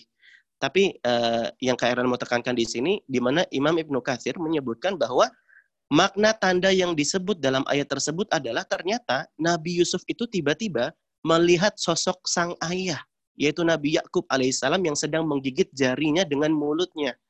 Sehingga tiba-tiba hadir sosok itu di dalam benaknya Nabi Yusuf lalu kemudian dia urungkan niatnya tersebut. Dan ini pelajaran buat kita, ternyata sosok orang tua itu bisa jadi alarm, bisa jadi pengingat anaknya yang mungkin hendak bermaksiat. Nah, dari mana dibangun eh, kedekatan ini? Eh, di mana bisa dibangun alarm-alarm semisal ini? Ya karena dari orang tua yang mau peduli, perhatian, membersamai anaknya, mendidiknya, menemaninya, dan juga memberikan perhatian kepada anak-anaknya. Maka ini pesan yang kedua yaitu kelekatan. Lalu pesan yang ketiga untuk orang tua adalah kesabaran ya. Karena jadi orang tua yang membersamai anak dalam belajar via daring ini tentu akan menguras emosi, menguras tenaga, menguras energi sehingga butuh kesabaran, butuh dada yang lapang, kesabaran yang tidak bertepi dan nafas yang panjang ya. Tayyib. Sehingga ini harus selalu kita ingatkan, meskipun orang tua sudah tahu teorinya, tapi terkadang harus senantiasa diulang-ulang agar bisa mengecas kembali semangatnya untuk bisa menjadi orang tua yang sabar. Tayyib. Sekarang Kak Erlan mau lanjut uh, kepada pesan untuk guru. Kalau pesan untuk guru ini, Kak Erlan singkat jadi 3B. Kalau tadi pesan untuk orang tua 3K, guru 3B. Yang pertama yang harus diperhatikan guru adalah buat suasana belajar yang bahagia. Kita mencontoh Nabi kita Nabi Muhammad SAW bagaimana dia mengajar. Bukankah kita tahu Muawiyah ibnul Hakam yang mengatakan, "Ma ra'aitu mu'alliman qablahu wala ba'dahu ahsana ta'liman minhu." Kata Muawiyah ibnul Hakami, aku tidaklah melihat seorang pengajar yang paling baik pengajarannya daripada baginda Nabi Muhammad Sallallahu Alaihi Wasallam. Sehingga kita pun meniru dan meneladani bagaimana Nabi itu mengajar. Nah, kalau kita lihat kisah bagaimana Nabi Muhammad Sallallahu Alaihi Wasallam mengajarkan pelajaran-pelajaran akidah kepada Ibnu Abbas radhiyallahu anhu, ketika itu di hadis yang kita sudah familiar, di mana Nabi Shallallahu Alaihi Wasallam mengajarkan Ibnu Abbas ketika sedang berada di atas kendaraan. Nah, Syekh Adil Al-Luham dan Al-Ghamidi mengatakan terkait hadis yang bunyinya ifadillah yahfadka itu ya. Ayah bunda insya Allah sudah cukup tahu tentang hadis itu. Syekh Adil ketika menjelaskan tentang hadis ini, beliau katakan, fil hadis irsyadun lil muallimi sibyan bi intihazil awqati munasibah wa ikhtiyaril asalib al-hasanah fi ta'limihim. Kata Syekh Adil, di dalam hadis Nabi Muhammad yang mengajarkan Ibnu Abbas di atas kendaraan itu, itu memberikan pelajaran kepada para pendidik anak-anak untuk bisa memilih waktu-waktu yang tepat dan juga memilih metode-metode yang baik di dalam pendidikannya. Syekh Adil melanjutkan, karena ketika Ibnu Abbas berada di atas kendaraan, ini adalah waktu yang tepat. Sebab ilahnya kenapa? Karena anak-anak itu kalau sedang berada di atas kendaraan, umumnya mereka merasakan happy dan senang. Maka Nabi mengajarkan di waktu Ibnu Abbas ataupun anak-anak lainnya itu merasa senang. Nah, di sini kita ingin mengambil pelajaran eh, para guru sekalian bahwa pentingnya kita mengajar dengan membangun suasana yang menyenangkan. Pernah di dalam kitab Syarah Wasail Mufidah, Lihayati Sa'idah, dilakukan sebuah riset terhadap dua kelas. Yang satu kelas dibuat e, membosankan dan menegangkan, yang satu kelas juga e, dibuat dengan metode yang berbeda tapi dibuat menyenangkan. Ternyata setelah disurvei, anak-anak yang di kelas menyenangkan itu lebih mudah cepat faham daripada anak-anak yang ada di kelas yang membosankan. Ternyata suasana hati, mood itu mempengaruhi cepat atau tidaknya anak memahami pelajaran. Belajar dengan bahagia, belajar yang dirasa nikmat oleh anak-anak seperti mereka serasa makan lezatnya coklat gitu ya. Seasik mereka dan senyaman mereka main hujan-hujanan. Nah, kita pengen buat belajar yang seperti itu. Karena inilah uh, pesan untuk guru pentingnya buat suasana belajar yang bahagia, ya, yang menyenangkan anak-anak sehingga mereka jadi senang untuk belajar via daring, tidak membosankan dan justru mereka sangat mengasyikkan. Taib. Kemudian untuk para guru juga uh, untuk bisa bangun suasana belajar bahagia berarti tidak bisa mengajarkan seluruh materi yang ada di kurikulum kita. Harus pilih yang prioritas-prioritas saja yang paling penting dan menjadi titik-titik keresahan kita sebagai pengajar terhadap anak didik kita. Jadi materinya perlu dibatasi ya. Dan uh, jangan pernah bosan memberikan apresiasi kepada anak-anak yang sudah ikut belajar via daring. Nah, kadang kita minim ucapan terima kasih, minim ucapan jazakumullah khairan kepada anak-anak yang sudah antusias mau menyimak pelajaran-pelajaran kita. Ini bisa mengurangi kebahagiaan mereka, ya. Lalu kemudian eh, terkait membangun suasana bahagia ini juga eh, para pendidik, para guru hendaknya tidak memberikan tugas-tugas yang terlalu memberatkan anak-anak ya. Kalau bisa berikan tugas-tugas yang related berhubungan dengan kondisi sekitar mereka dan juga eh, tugas-tugas yang menyenangkan buat mereka. Misalnya mengucapkan jazakumullah khairan kepada ayah bunda, mengucapkan uhibbukumullah kepada ayah bundanya atau menanyakan harga sapi dan kambing apalagi sekarang mau ini kan ya mau Idul Adha gitu. Apalagi ini kan untuk anak usia dini hingga uh, tugasnya jangan sampai memberatkan ya. Dan uh, ini poin yang pertama yang bisa Kak Erlan sampaikan kepada guru yang pertama yaitu buat suasana belajar bahagia. B yang kedua pesan untuk guru adalah bangun image sebagai guru yang asyik dan menyenangkan di mana uh, guru itu uh, diharuskan untuk dekat dengan murid karena hubungan guru dengan murid itu bukanlah hubungan transaksional. Yang mana kita sebagai pegawai suatu sekolah dan anak ini adalah uh, peserta didik kita. Tapi lebih dari itu guru itu adalah orang tuanya anak dalam hal ilmu ya. Sehingga yang namanya orang tua itu dituntut untuk perhatian setidaknya kita bisa sisihkan waktu untuk ngobrol uh, dengan anak ataupun ngobrol dengan orang tuanya, mengatur dan lain hal sebagainya ya, supaya bisa lebih terkomunikasikan. Bagaimana perkembangan-perkembangan anak didik kita. Dan terkait perhatian ini, ini efeknya dahsyat. Saya jadi teringat dengan guru-guru kami, hafizahumullah ya, di antaranya Ustadz Abu Sa'ad rahimahullah, yang dulu itu sering sekali berkunjung ke kos-kosan kami mahasiswa untuk menanyakan kabar dan mengingatkan untuk datang kajian. Bahkan di antara guru kami ada Ustadz Aris Munandar yang sampai sekarang masih aktif memberikan perhatian kepada kami, mengiringi lewat WhatsApp gitu ya, eh, kitab-kitab apa yang bagus untuk dikaji dalam permasalahan tarbiyatul abna dan juga kisah-kisah sahabat ataupun kisah-kisah para ulama yang bisa disampaikan kepada anak-anak sebesar itu perhatian guru-guru kami terhadap diri kami dan itu menjadi inspirasi buat kita semua ayah bunda dan juga para guru sekalian pentingnya kita perhatian kepada anak didik kita. Lalu kemudian di antara cara membangun image sebagai guru yang asyik dan menyenangkan itu adalah tidak segan untuk bercanda dengan anak-anak ya tanpa mengurangi wibawa wibawa dan juga muruah tentu saja ya. Karena Nabi SAW juga sering bercanda dengan anak-anak. Zainab dipanggil oleh Nabi dengan ya Zunaib, ya Zunaib gitu kan ya. Bahkan Nabi dalam sebuah riwayat pernah menyemburkan air dari mulutnya.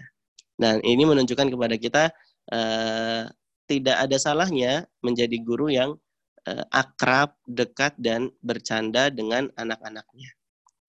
Lalu yang ketiga uh, ini kita singkat-singkat saja ya, tidak bisa panjang karena waktu yang terbatas. B yang ketiga, sebagai guru jangan lupa untuk berdoa dan terus upgrade keilmuan kita. Terus upgrade juga metode pengajaran kita karena uh, ini akan menunjang uh, kapabilitas kita dalam mengajar dan membuat anak jadi tidak bosan belajar via daring dengan kita. Yang pertama, yang paling penting tentu saja dengan berdoa karena sering sekali guru-guru Eh, karena sudah menjadi rutinitas ya aktivitas mengajar itu, tapi lupa bersandar dan bertawakal bergantung kepada Allah Subhanahu wa taala. Dan guru-guru juga harus rajin mendoakan anak didiknya agar anak didiknya itu uh, semakin baik ya. Sebagaimana ada riwayat dari Abu His Abu Ishaq di mana dia menyebutkan bahwa ada seorang pengajar yang bisa sukses mencetak 70 ulama dari majelisnya. Ternyata setelah ditelusuri, sebabnya adalah karena dia pernah mendoakan dan rajin mendoakan anak-anak didiknya.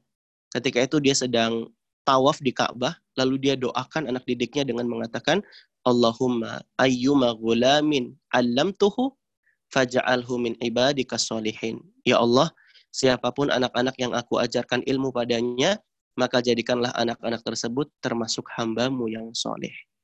Nah ini uh, doa yang luar biasa dari seorang pengajar kepada kebaikan uh, untuk kebaikan anak didiknya ya. Dan jangan lupa juga untuk terus upgrade keimanan dan juga kualitas agama kita sebagai guru karena faddinu sobi ala dini muallimihi ya karena kualitas agama seorang anak itu uh, bergantung juga dengan bagaimana kualitas agama para pendidik dan para pengajarnya. Nah, pesan untuk guru ini juga sebenarnya merupakan pesan kepada orang tua karena sejatinya orang tua itu adalah guru bagi anak-anaknya. Toyib. Semoga masih ada tambahan waktu sedikit Pak Hendar ya. Ini ada materi terakhir. sedikit saja ya. Kita lanjutkan sedikit terakhir ini ada beberapa tips belajar dengan menyenangkan yang nanti bisa diterapkan oleh ayah bunda dan para guru, ustadz, ustadzah sekalian ketika mengajar anak-anak di usia dini. Yang pertama uh, dengan berkisah ya. Karena kisah itu di antara metode yang sangat efektif ketika mengajarkan dan memasukkan nilai-nilai kepada anak. Laqad kana fi qasasihim ibratun li ulil albab Sungguh terdapat pelajaran dari kisah-kisah bagi orang-orang yang mau berpikir. Nah, dengan berkisah ini anak-anak akan lebih bisa serius menyimak ya, karena anak-anak juga seperti kita manusia yang homo pabulans. Mereka candu dan suka sekali dengan mendengarkan cerita. Nah, untuk berkisah ini uh, harus buat daurah tersendiri ya karena bisa dilatih sebenarnya Bapak Ibu sekalian, bisa kita eh, belajar sehingga kita bisa menjadi orang tua yang pandai berkisah, nah, bukan berdongeng ya, karena dongeng itu maknanya lebih ke cerita dusta, sebagaimana kata Pak Hendar tadi, kita lebih suka menyebutnya dengan berkisah ya, dan kita pun e, berkiblat dan mengarah pada kisah-kisah yang Islami dari para sahabat, para ulama salafus soleh terdahulu yang jelas-jelas bisa kita ambil nilainya, bukan e, dari kisah-kisah kancil maling ketimun ataupun Jakataruk mengintip wanita bidadari sedang mandi ya yang itu muskilah mengajarkan nilai-nilai yang buruk kepada anak-anak kita nah ini berkisah perlu kita pelajari nanti ada seni-seninya ada teknik-tekniknya paling Kak Erlan di sini ingin ini saja menerangkan uh, seni-seni mengondisikan kelas atau seni-seni mengondisikan ketika kita sedang berkisah kepada anak-anak ketika kita sedang uh, mengajarkan sebuah pelajaran kepada anak. Ini ada seni-seni mengondisikannya. Karena kan trouble ataupun problematika kita ketika sedang bercerita ataupun ketika kita sedang mengajar anak itu adalah anak yang sulit dikondisikan. Nah, ada beberapa seni-seni mengondisikan anak. Yang pertama, supaya anak itu bisa anteng, menyimak konsentrasi, karena tadi kan kata Ustaz Abu Salma, konsentrasi anak itu terbatas ya. Maka di antara cara kita supaya anak itu bisa tetap menyimak kita adalah dengan intermezzo-intermezzo, dengan seni-seni mengondisikan seperti ini. Jadi anak-anak konsentrasinya itu durasinya bisa ditambah. Nah, di antaranya misalnya uh, dengan uh, teknik angin hujan. Jadi kita bilang ke anak-anak, kalau Kak Erlan bilang angin, tarik nafas ya. Angin, hujan. Nah, seperti itu. Karena anak-anak kalau udah tarik nafas, mereka nggak bisa ngomong angin. Mau ngobrol nggak bisa pasti kan? Nah itu itu seni di antara di antaranya bisa kita kerjakan supaya anak itu bisa anteng kembali dan menyimak materi-materi dari kita.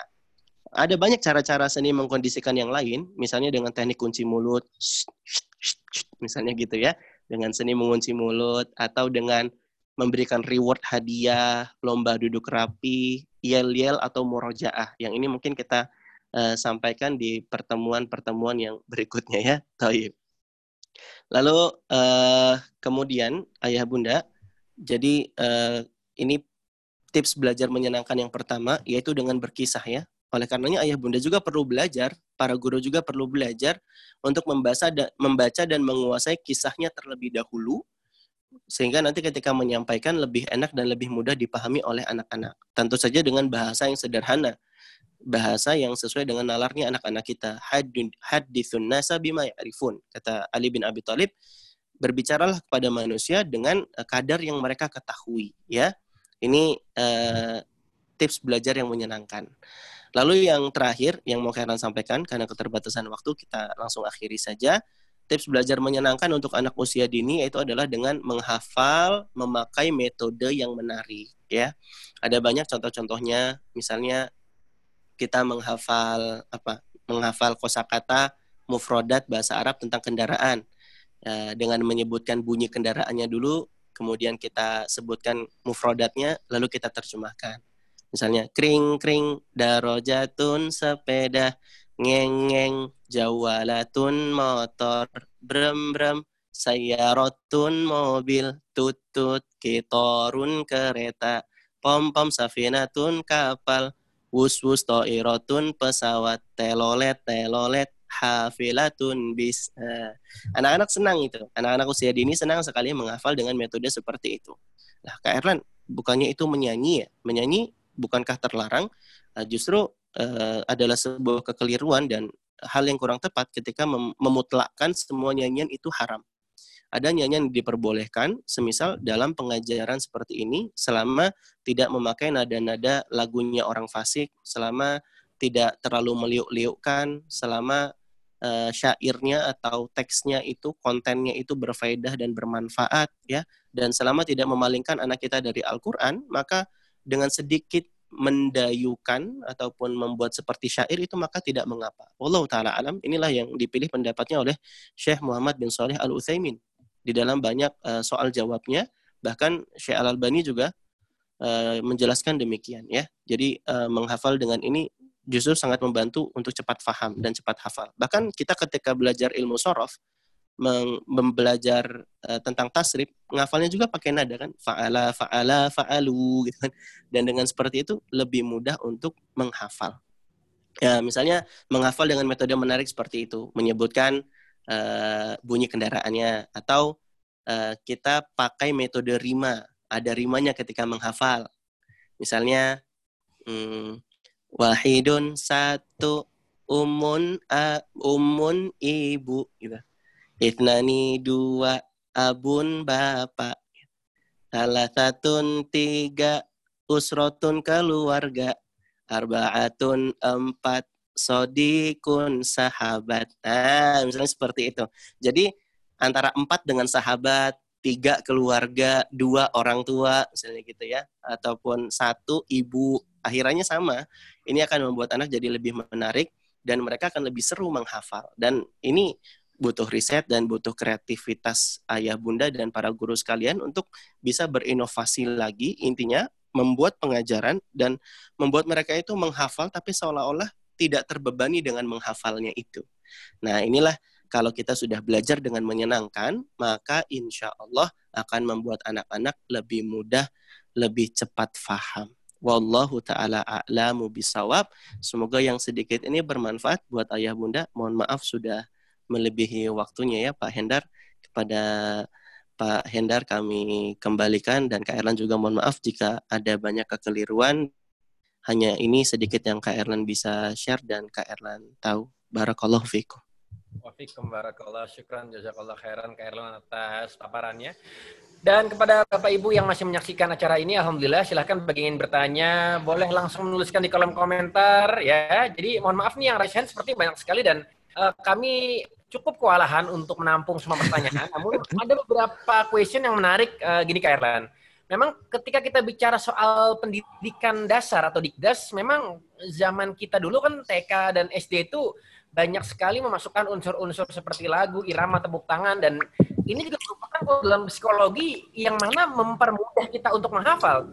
Namun masalahnya adalah banyak orang tua yang eh, bingung eh, bagaimana sih membatasi antara musik, lirik, dan lagu yang diperbolehkan dalam konteks pendidikan. Karena anak-anak kita uh, mungkin dalam hal kognitif akan lebih menghafal, dalam hal uh, mood juga hmm. akan lebih menarik dan sebagainya. Itu. Uh, Kak Erlan mungkin uh, mohon uh, ilmunya. Kak Erlan, terima kasih.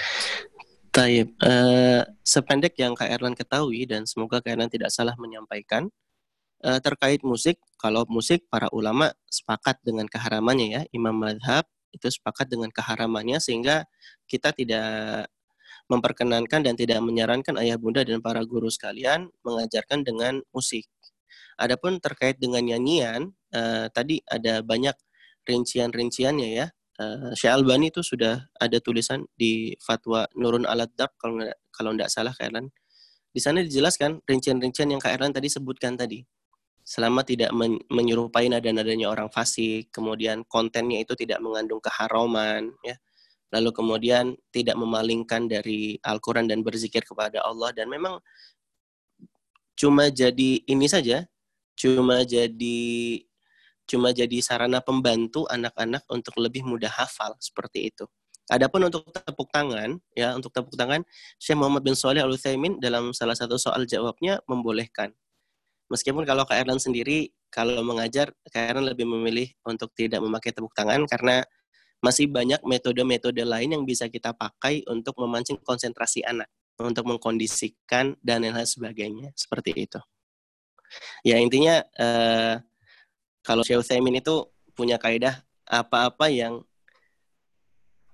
tidak menjadi rukhsah bagi orang tua, terkadang itu bisa menjadi rukhsah bagi anak-anak itu. Artinya yang tadinya bagi orang tua itu tidak uh, tidak diperbolehkan, kadang-kadang di permasalahan hukum tentang anak-anak itu jadi diperbolehkan gitu. Ya nanti biar Ustadz Abu Salma Pak Hendar yang menjelaskan panjang lebar beliau lebih menguasai dalam hal ini. Allah taala.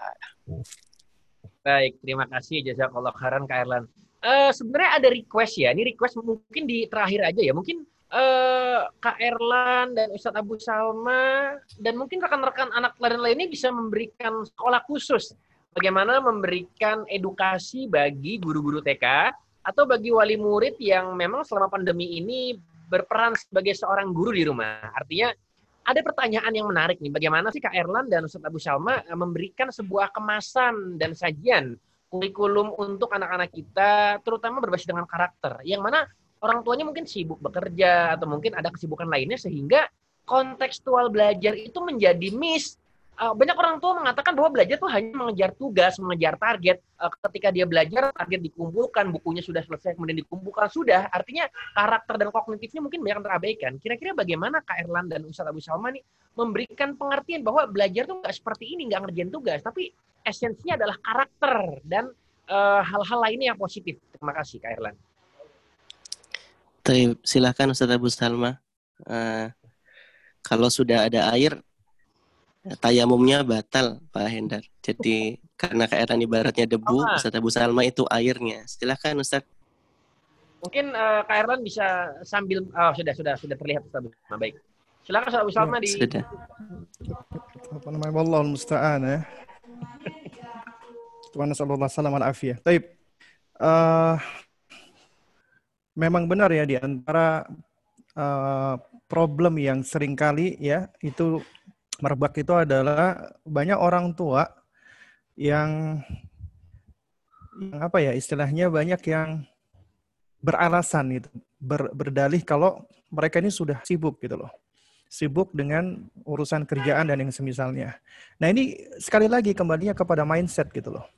Dan mindset yang yang kami maksudkan adalah Anda ketika bekerja itu apa sih tujuannya? Anda ketika ngantor, nyari duit, nyari fulus, apa tujuannya? Kan tujuannya tidak lain dan tidak, tidak bukan kan untuk apa? Untuk keluarga pula kan? Nah sedangkan Anda tahu keluarga Anda itu bukan cuma butuh hal-hal yang bersifat zohir. Jadi bukan cuma butuh apa rumah yang lapang, yang besar, meskipun itu juga suatu hal yang merupakan nikmat dari Allah. Bukan cuma butuh uh, apa namanya istilahnya namanya pakaian yang yang yang baik. Nah, itu mereka juga butuh yang namanya perhatian dan kasih sayang orang tua yang nggak bisa ditukar dengan bermiliar-miliar uang gitu loh. Nah, apa namanya? Jadi para abah dan para umahat yang dimuliakan Allah, ya. Anda ketika bekerja itu kan tujuannya sebenarnya untuk anak juga kan. Padahal yang dibutuhkan anak itu bukan cuma Anda mendapatkan uang, tapi mereka juga butuh waktu Anda, kebersamaan Anda. Ya. Dan juga mereka butuh Anda bisa menjadi atau hadir sebagai apa namanya pendidik buat Anda. Ya. Nah, jadi ya kuncinya adalah itu tadi masalah apa kesadaran diri lah.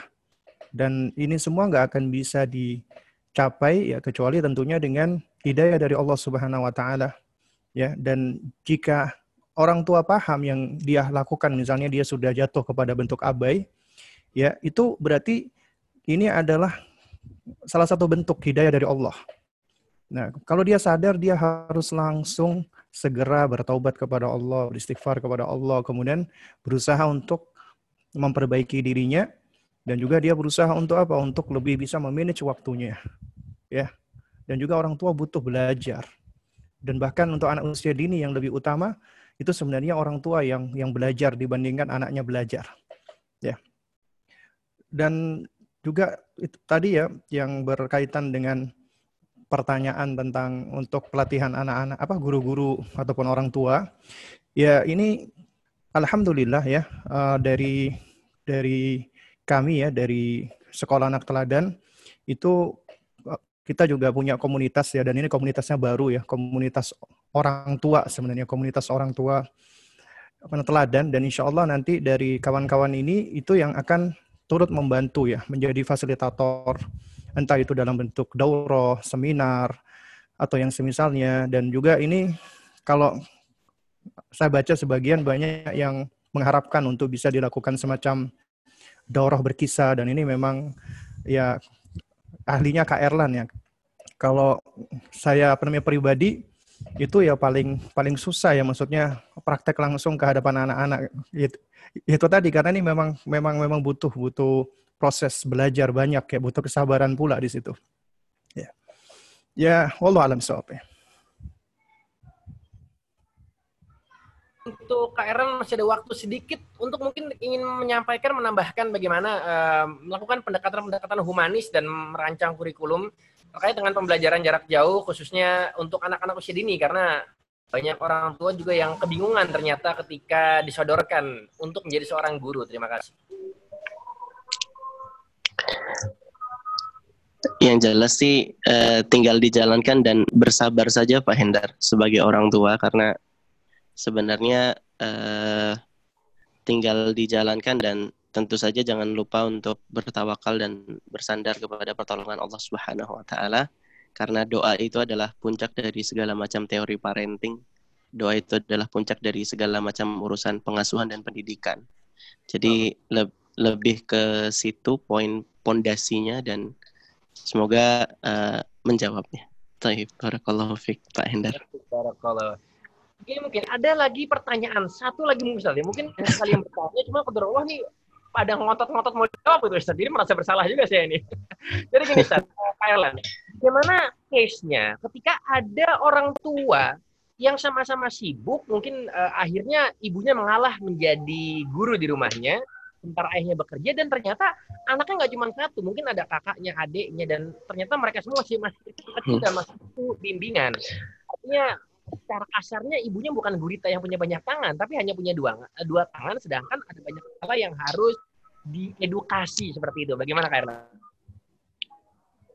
itu Ustaz Abu Salma yang menjawab Pak Hendar silakan Ustaz tafadhol Ustaz ya baik. Tayyib ya. Uh, Pak Endar ya dan juga para para abah dan para umahat yang dimulakan Allah Subhanahu wa taala. Kalau jawaban saya ya yang mungkin ya memang tidak tidak apa ya tidak mengenyangkan dan tidak menghilangkan haus ya. Tapi di sini ada loh, ada satu prinsip utama yang sering kali kita lalaikan, sering kali kita lupa ya. Yaitu apa? Yaitu konsep di dalam Al-Qur'anul Karim yang mana Allah Subhanahu wa taala yang telah menerangkan la yukallifullahu nafsan illa wus'aha. Allah nggak akan membebani seseorang ya di luar dari kapasitasnya. Artinya, ketika Anda wahai para orang tua dikaruniakan anak 10, 15 ya atau 20 misalnya kalau ada. Ketika Allah mengkaruniakan anak sebanyak itu artinya itu anda pasti sanggup mendidik mereka semua. Meskipun Anda punya dua tangan, dua kaki, ya, itu artinya Anda tetap sanggup untuk bisa mendidik mereka gitu loh. Dan Allah nggak mungkin membebani seseorang yang orang itu tidak sanggup untuk melakukannya. Juga demikian bagi orang tua yang dikaruniai anak cuma satu, anak cuma dua, anak cuma tiga, ya. Itu adalah karunia dari Allah Subhanahu Wa Taala sesuai dengan apa yang Allah sudah tetapkan dan apa yang Allah ketika menetapkan sesuatu kepada hambanya itu pasti baik. Dan pasti sanggup gitu loh.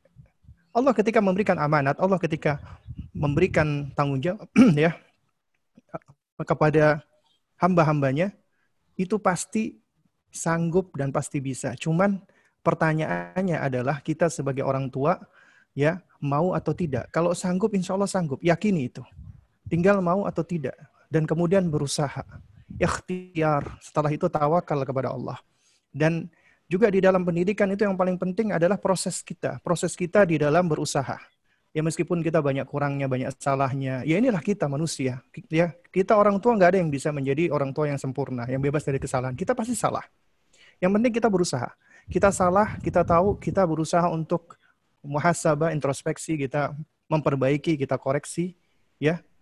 Dan kemudian kita bertawakal kepada Allah, serahkan apa kita serahkan semuanya kepada Allah. Dan yang benar tadi yang disampaikan oleh oleh Kak Erlan tadi ya, itu juga doa itu adalah suatu hal yang penting sekali yang tidak sepatutnya kita apa tinggalkan karena ini kembalinya kepada konsep hidayah.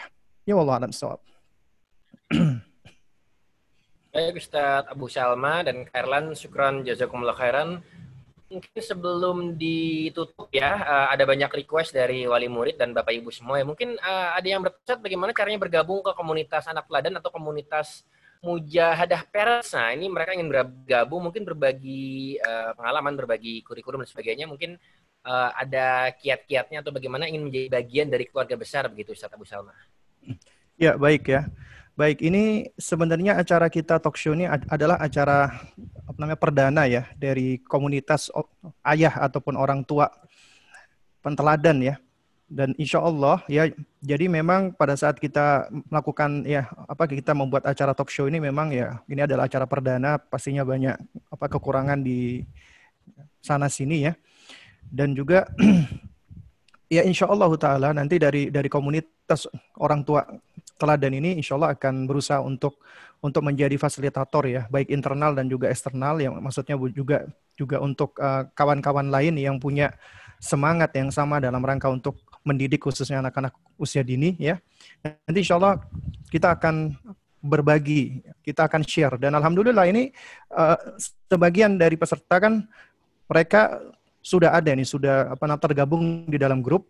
Nanti insya Allah kita akan berikan pilihan bagi yang ingin live group silakan dan bagi yang ingin uh, bertahan di grup kita insya Allah nanti akan berusaha untuk ya bisa berbagi sedikit yang yang bisa kami berikan baik itu informasi-informasi kajian ataupun juga mungkin ada konten-konten yang bermanfaat.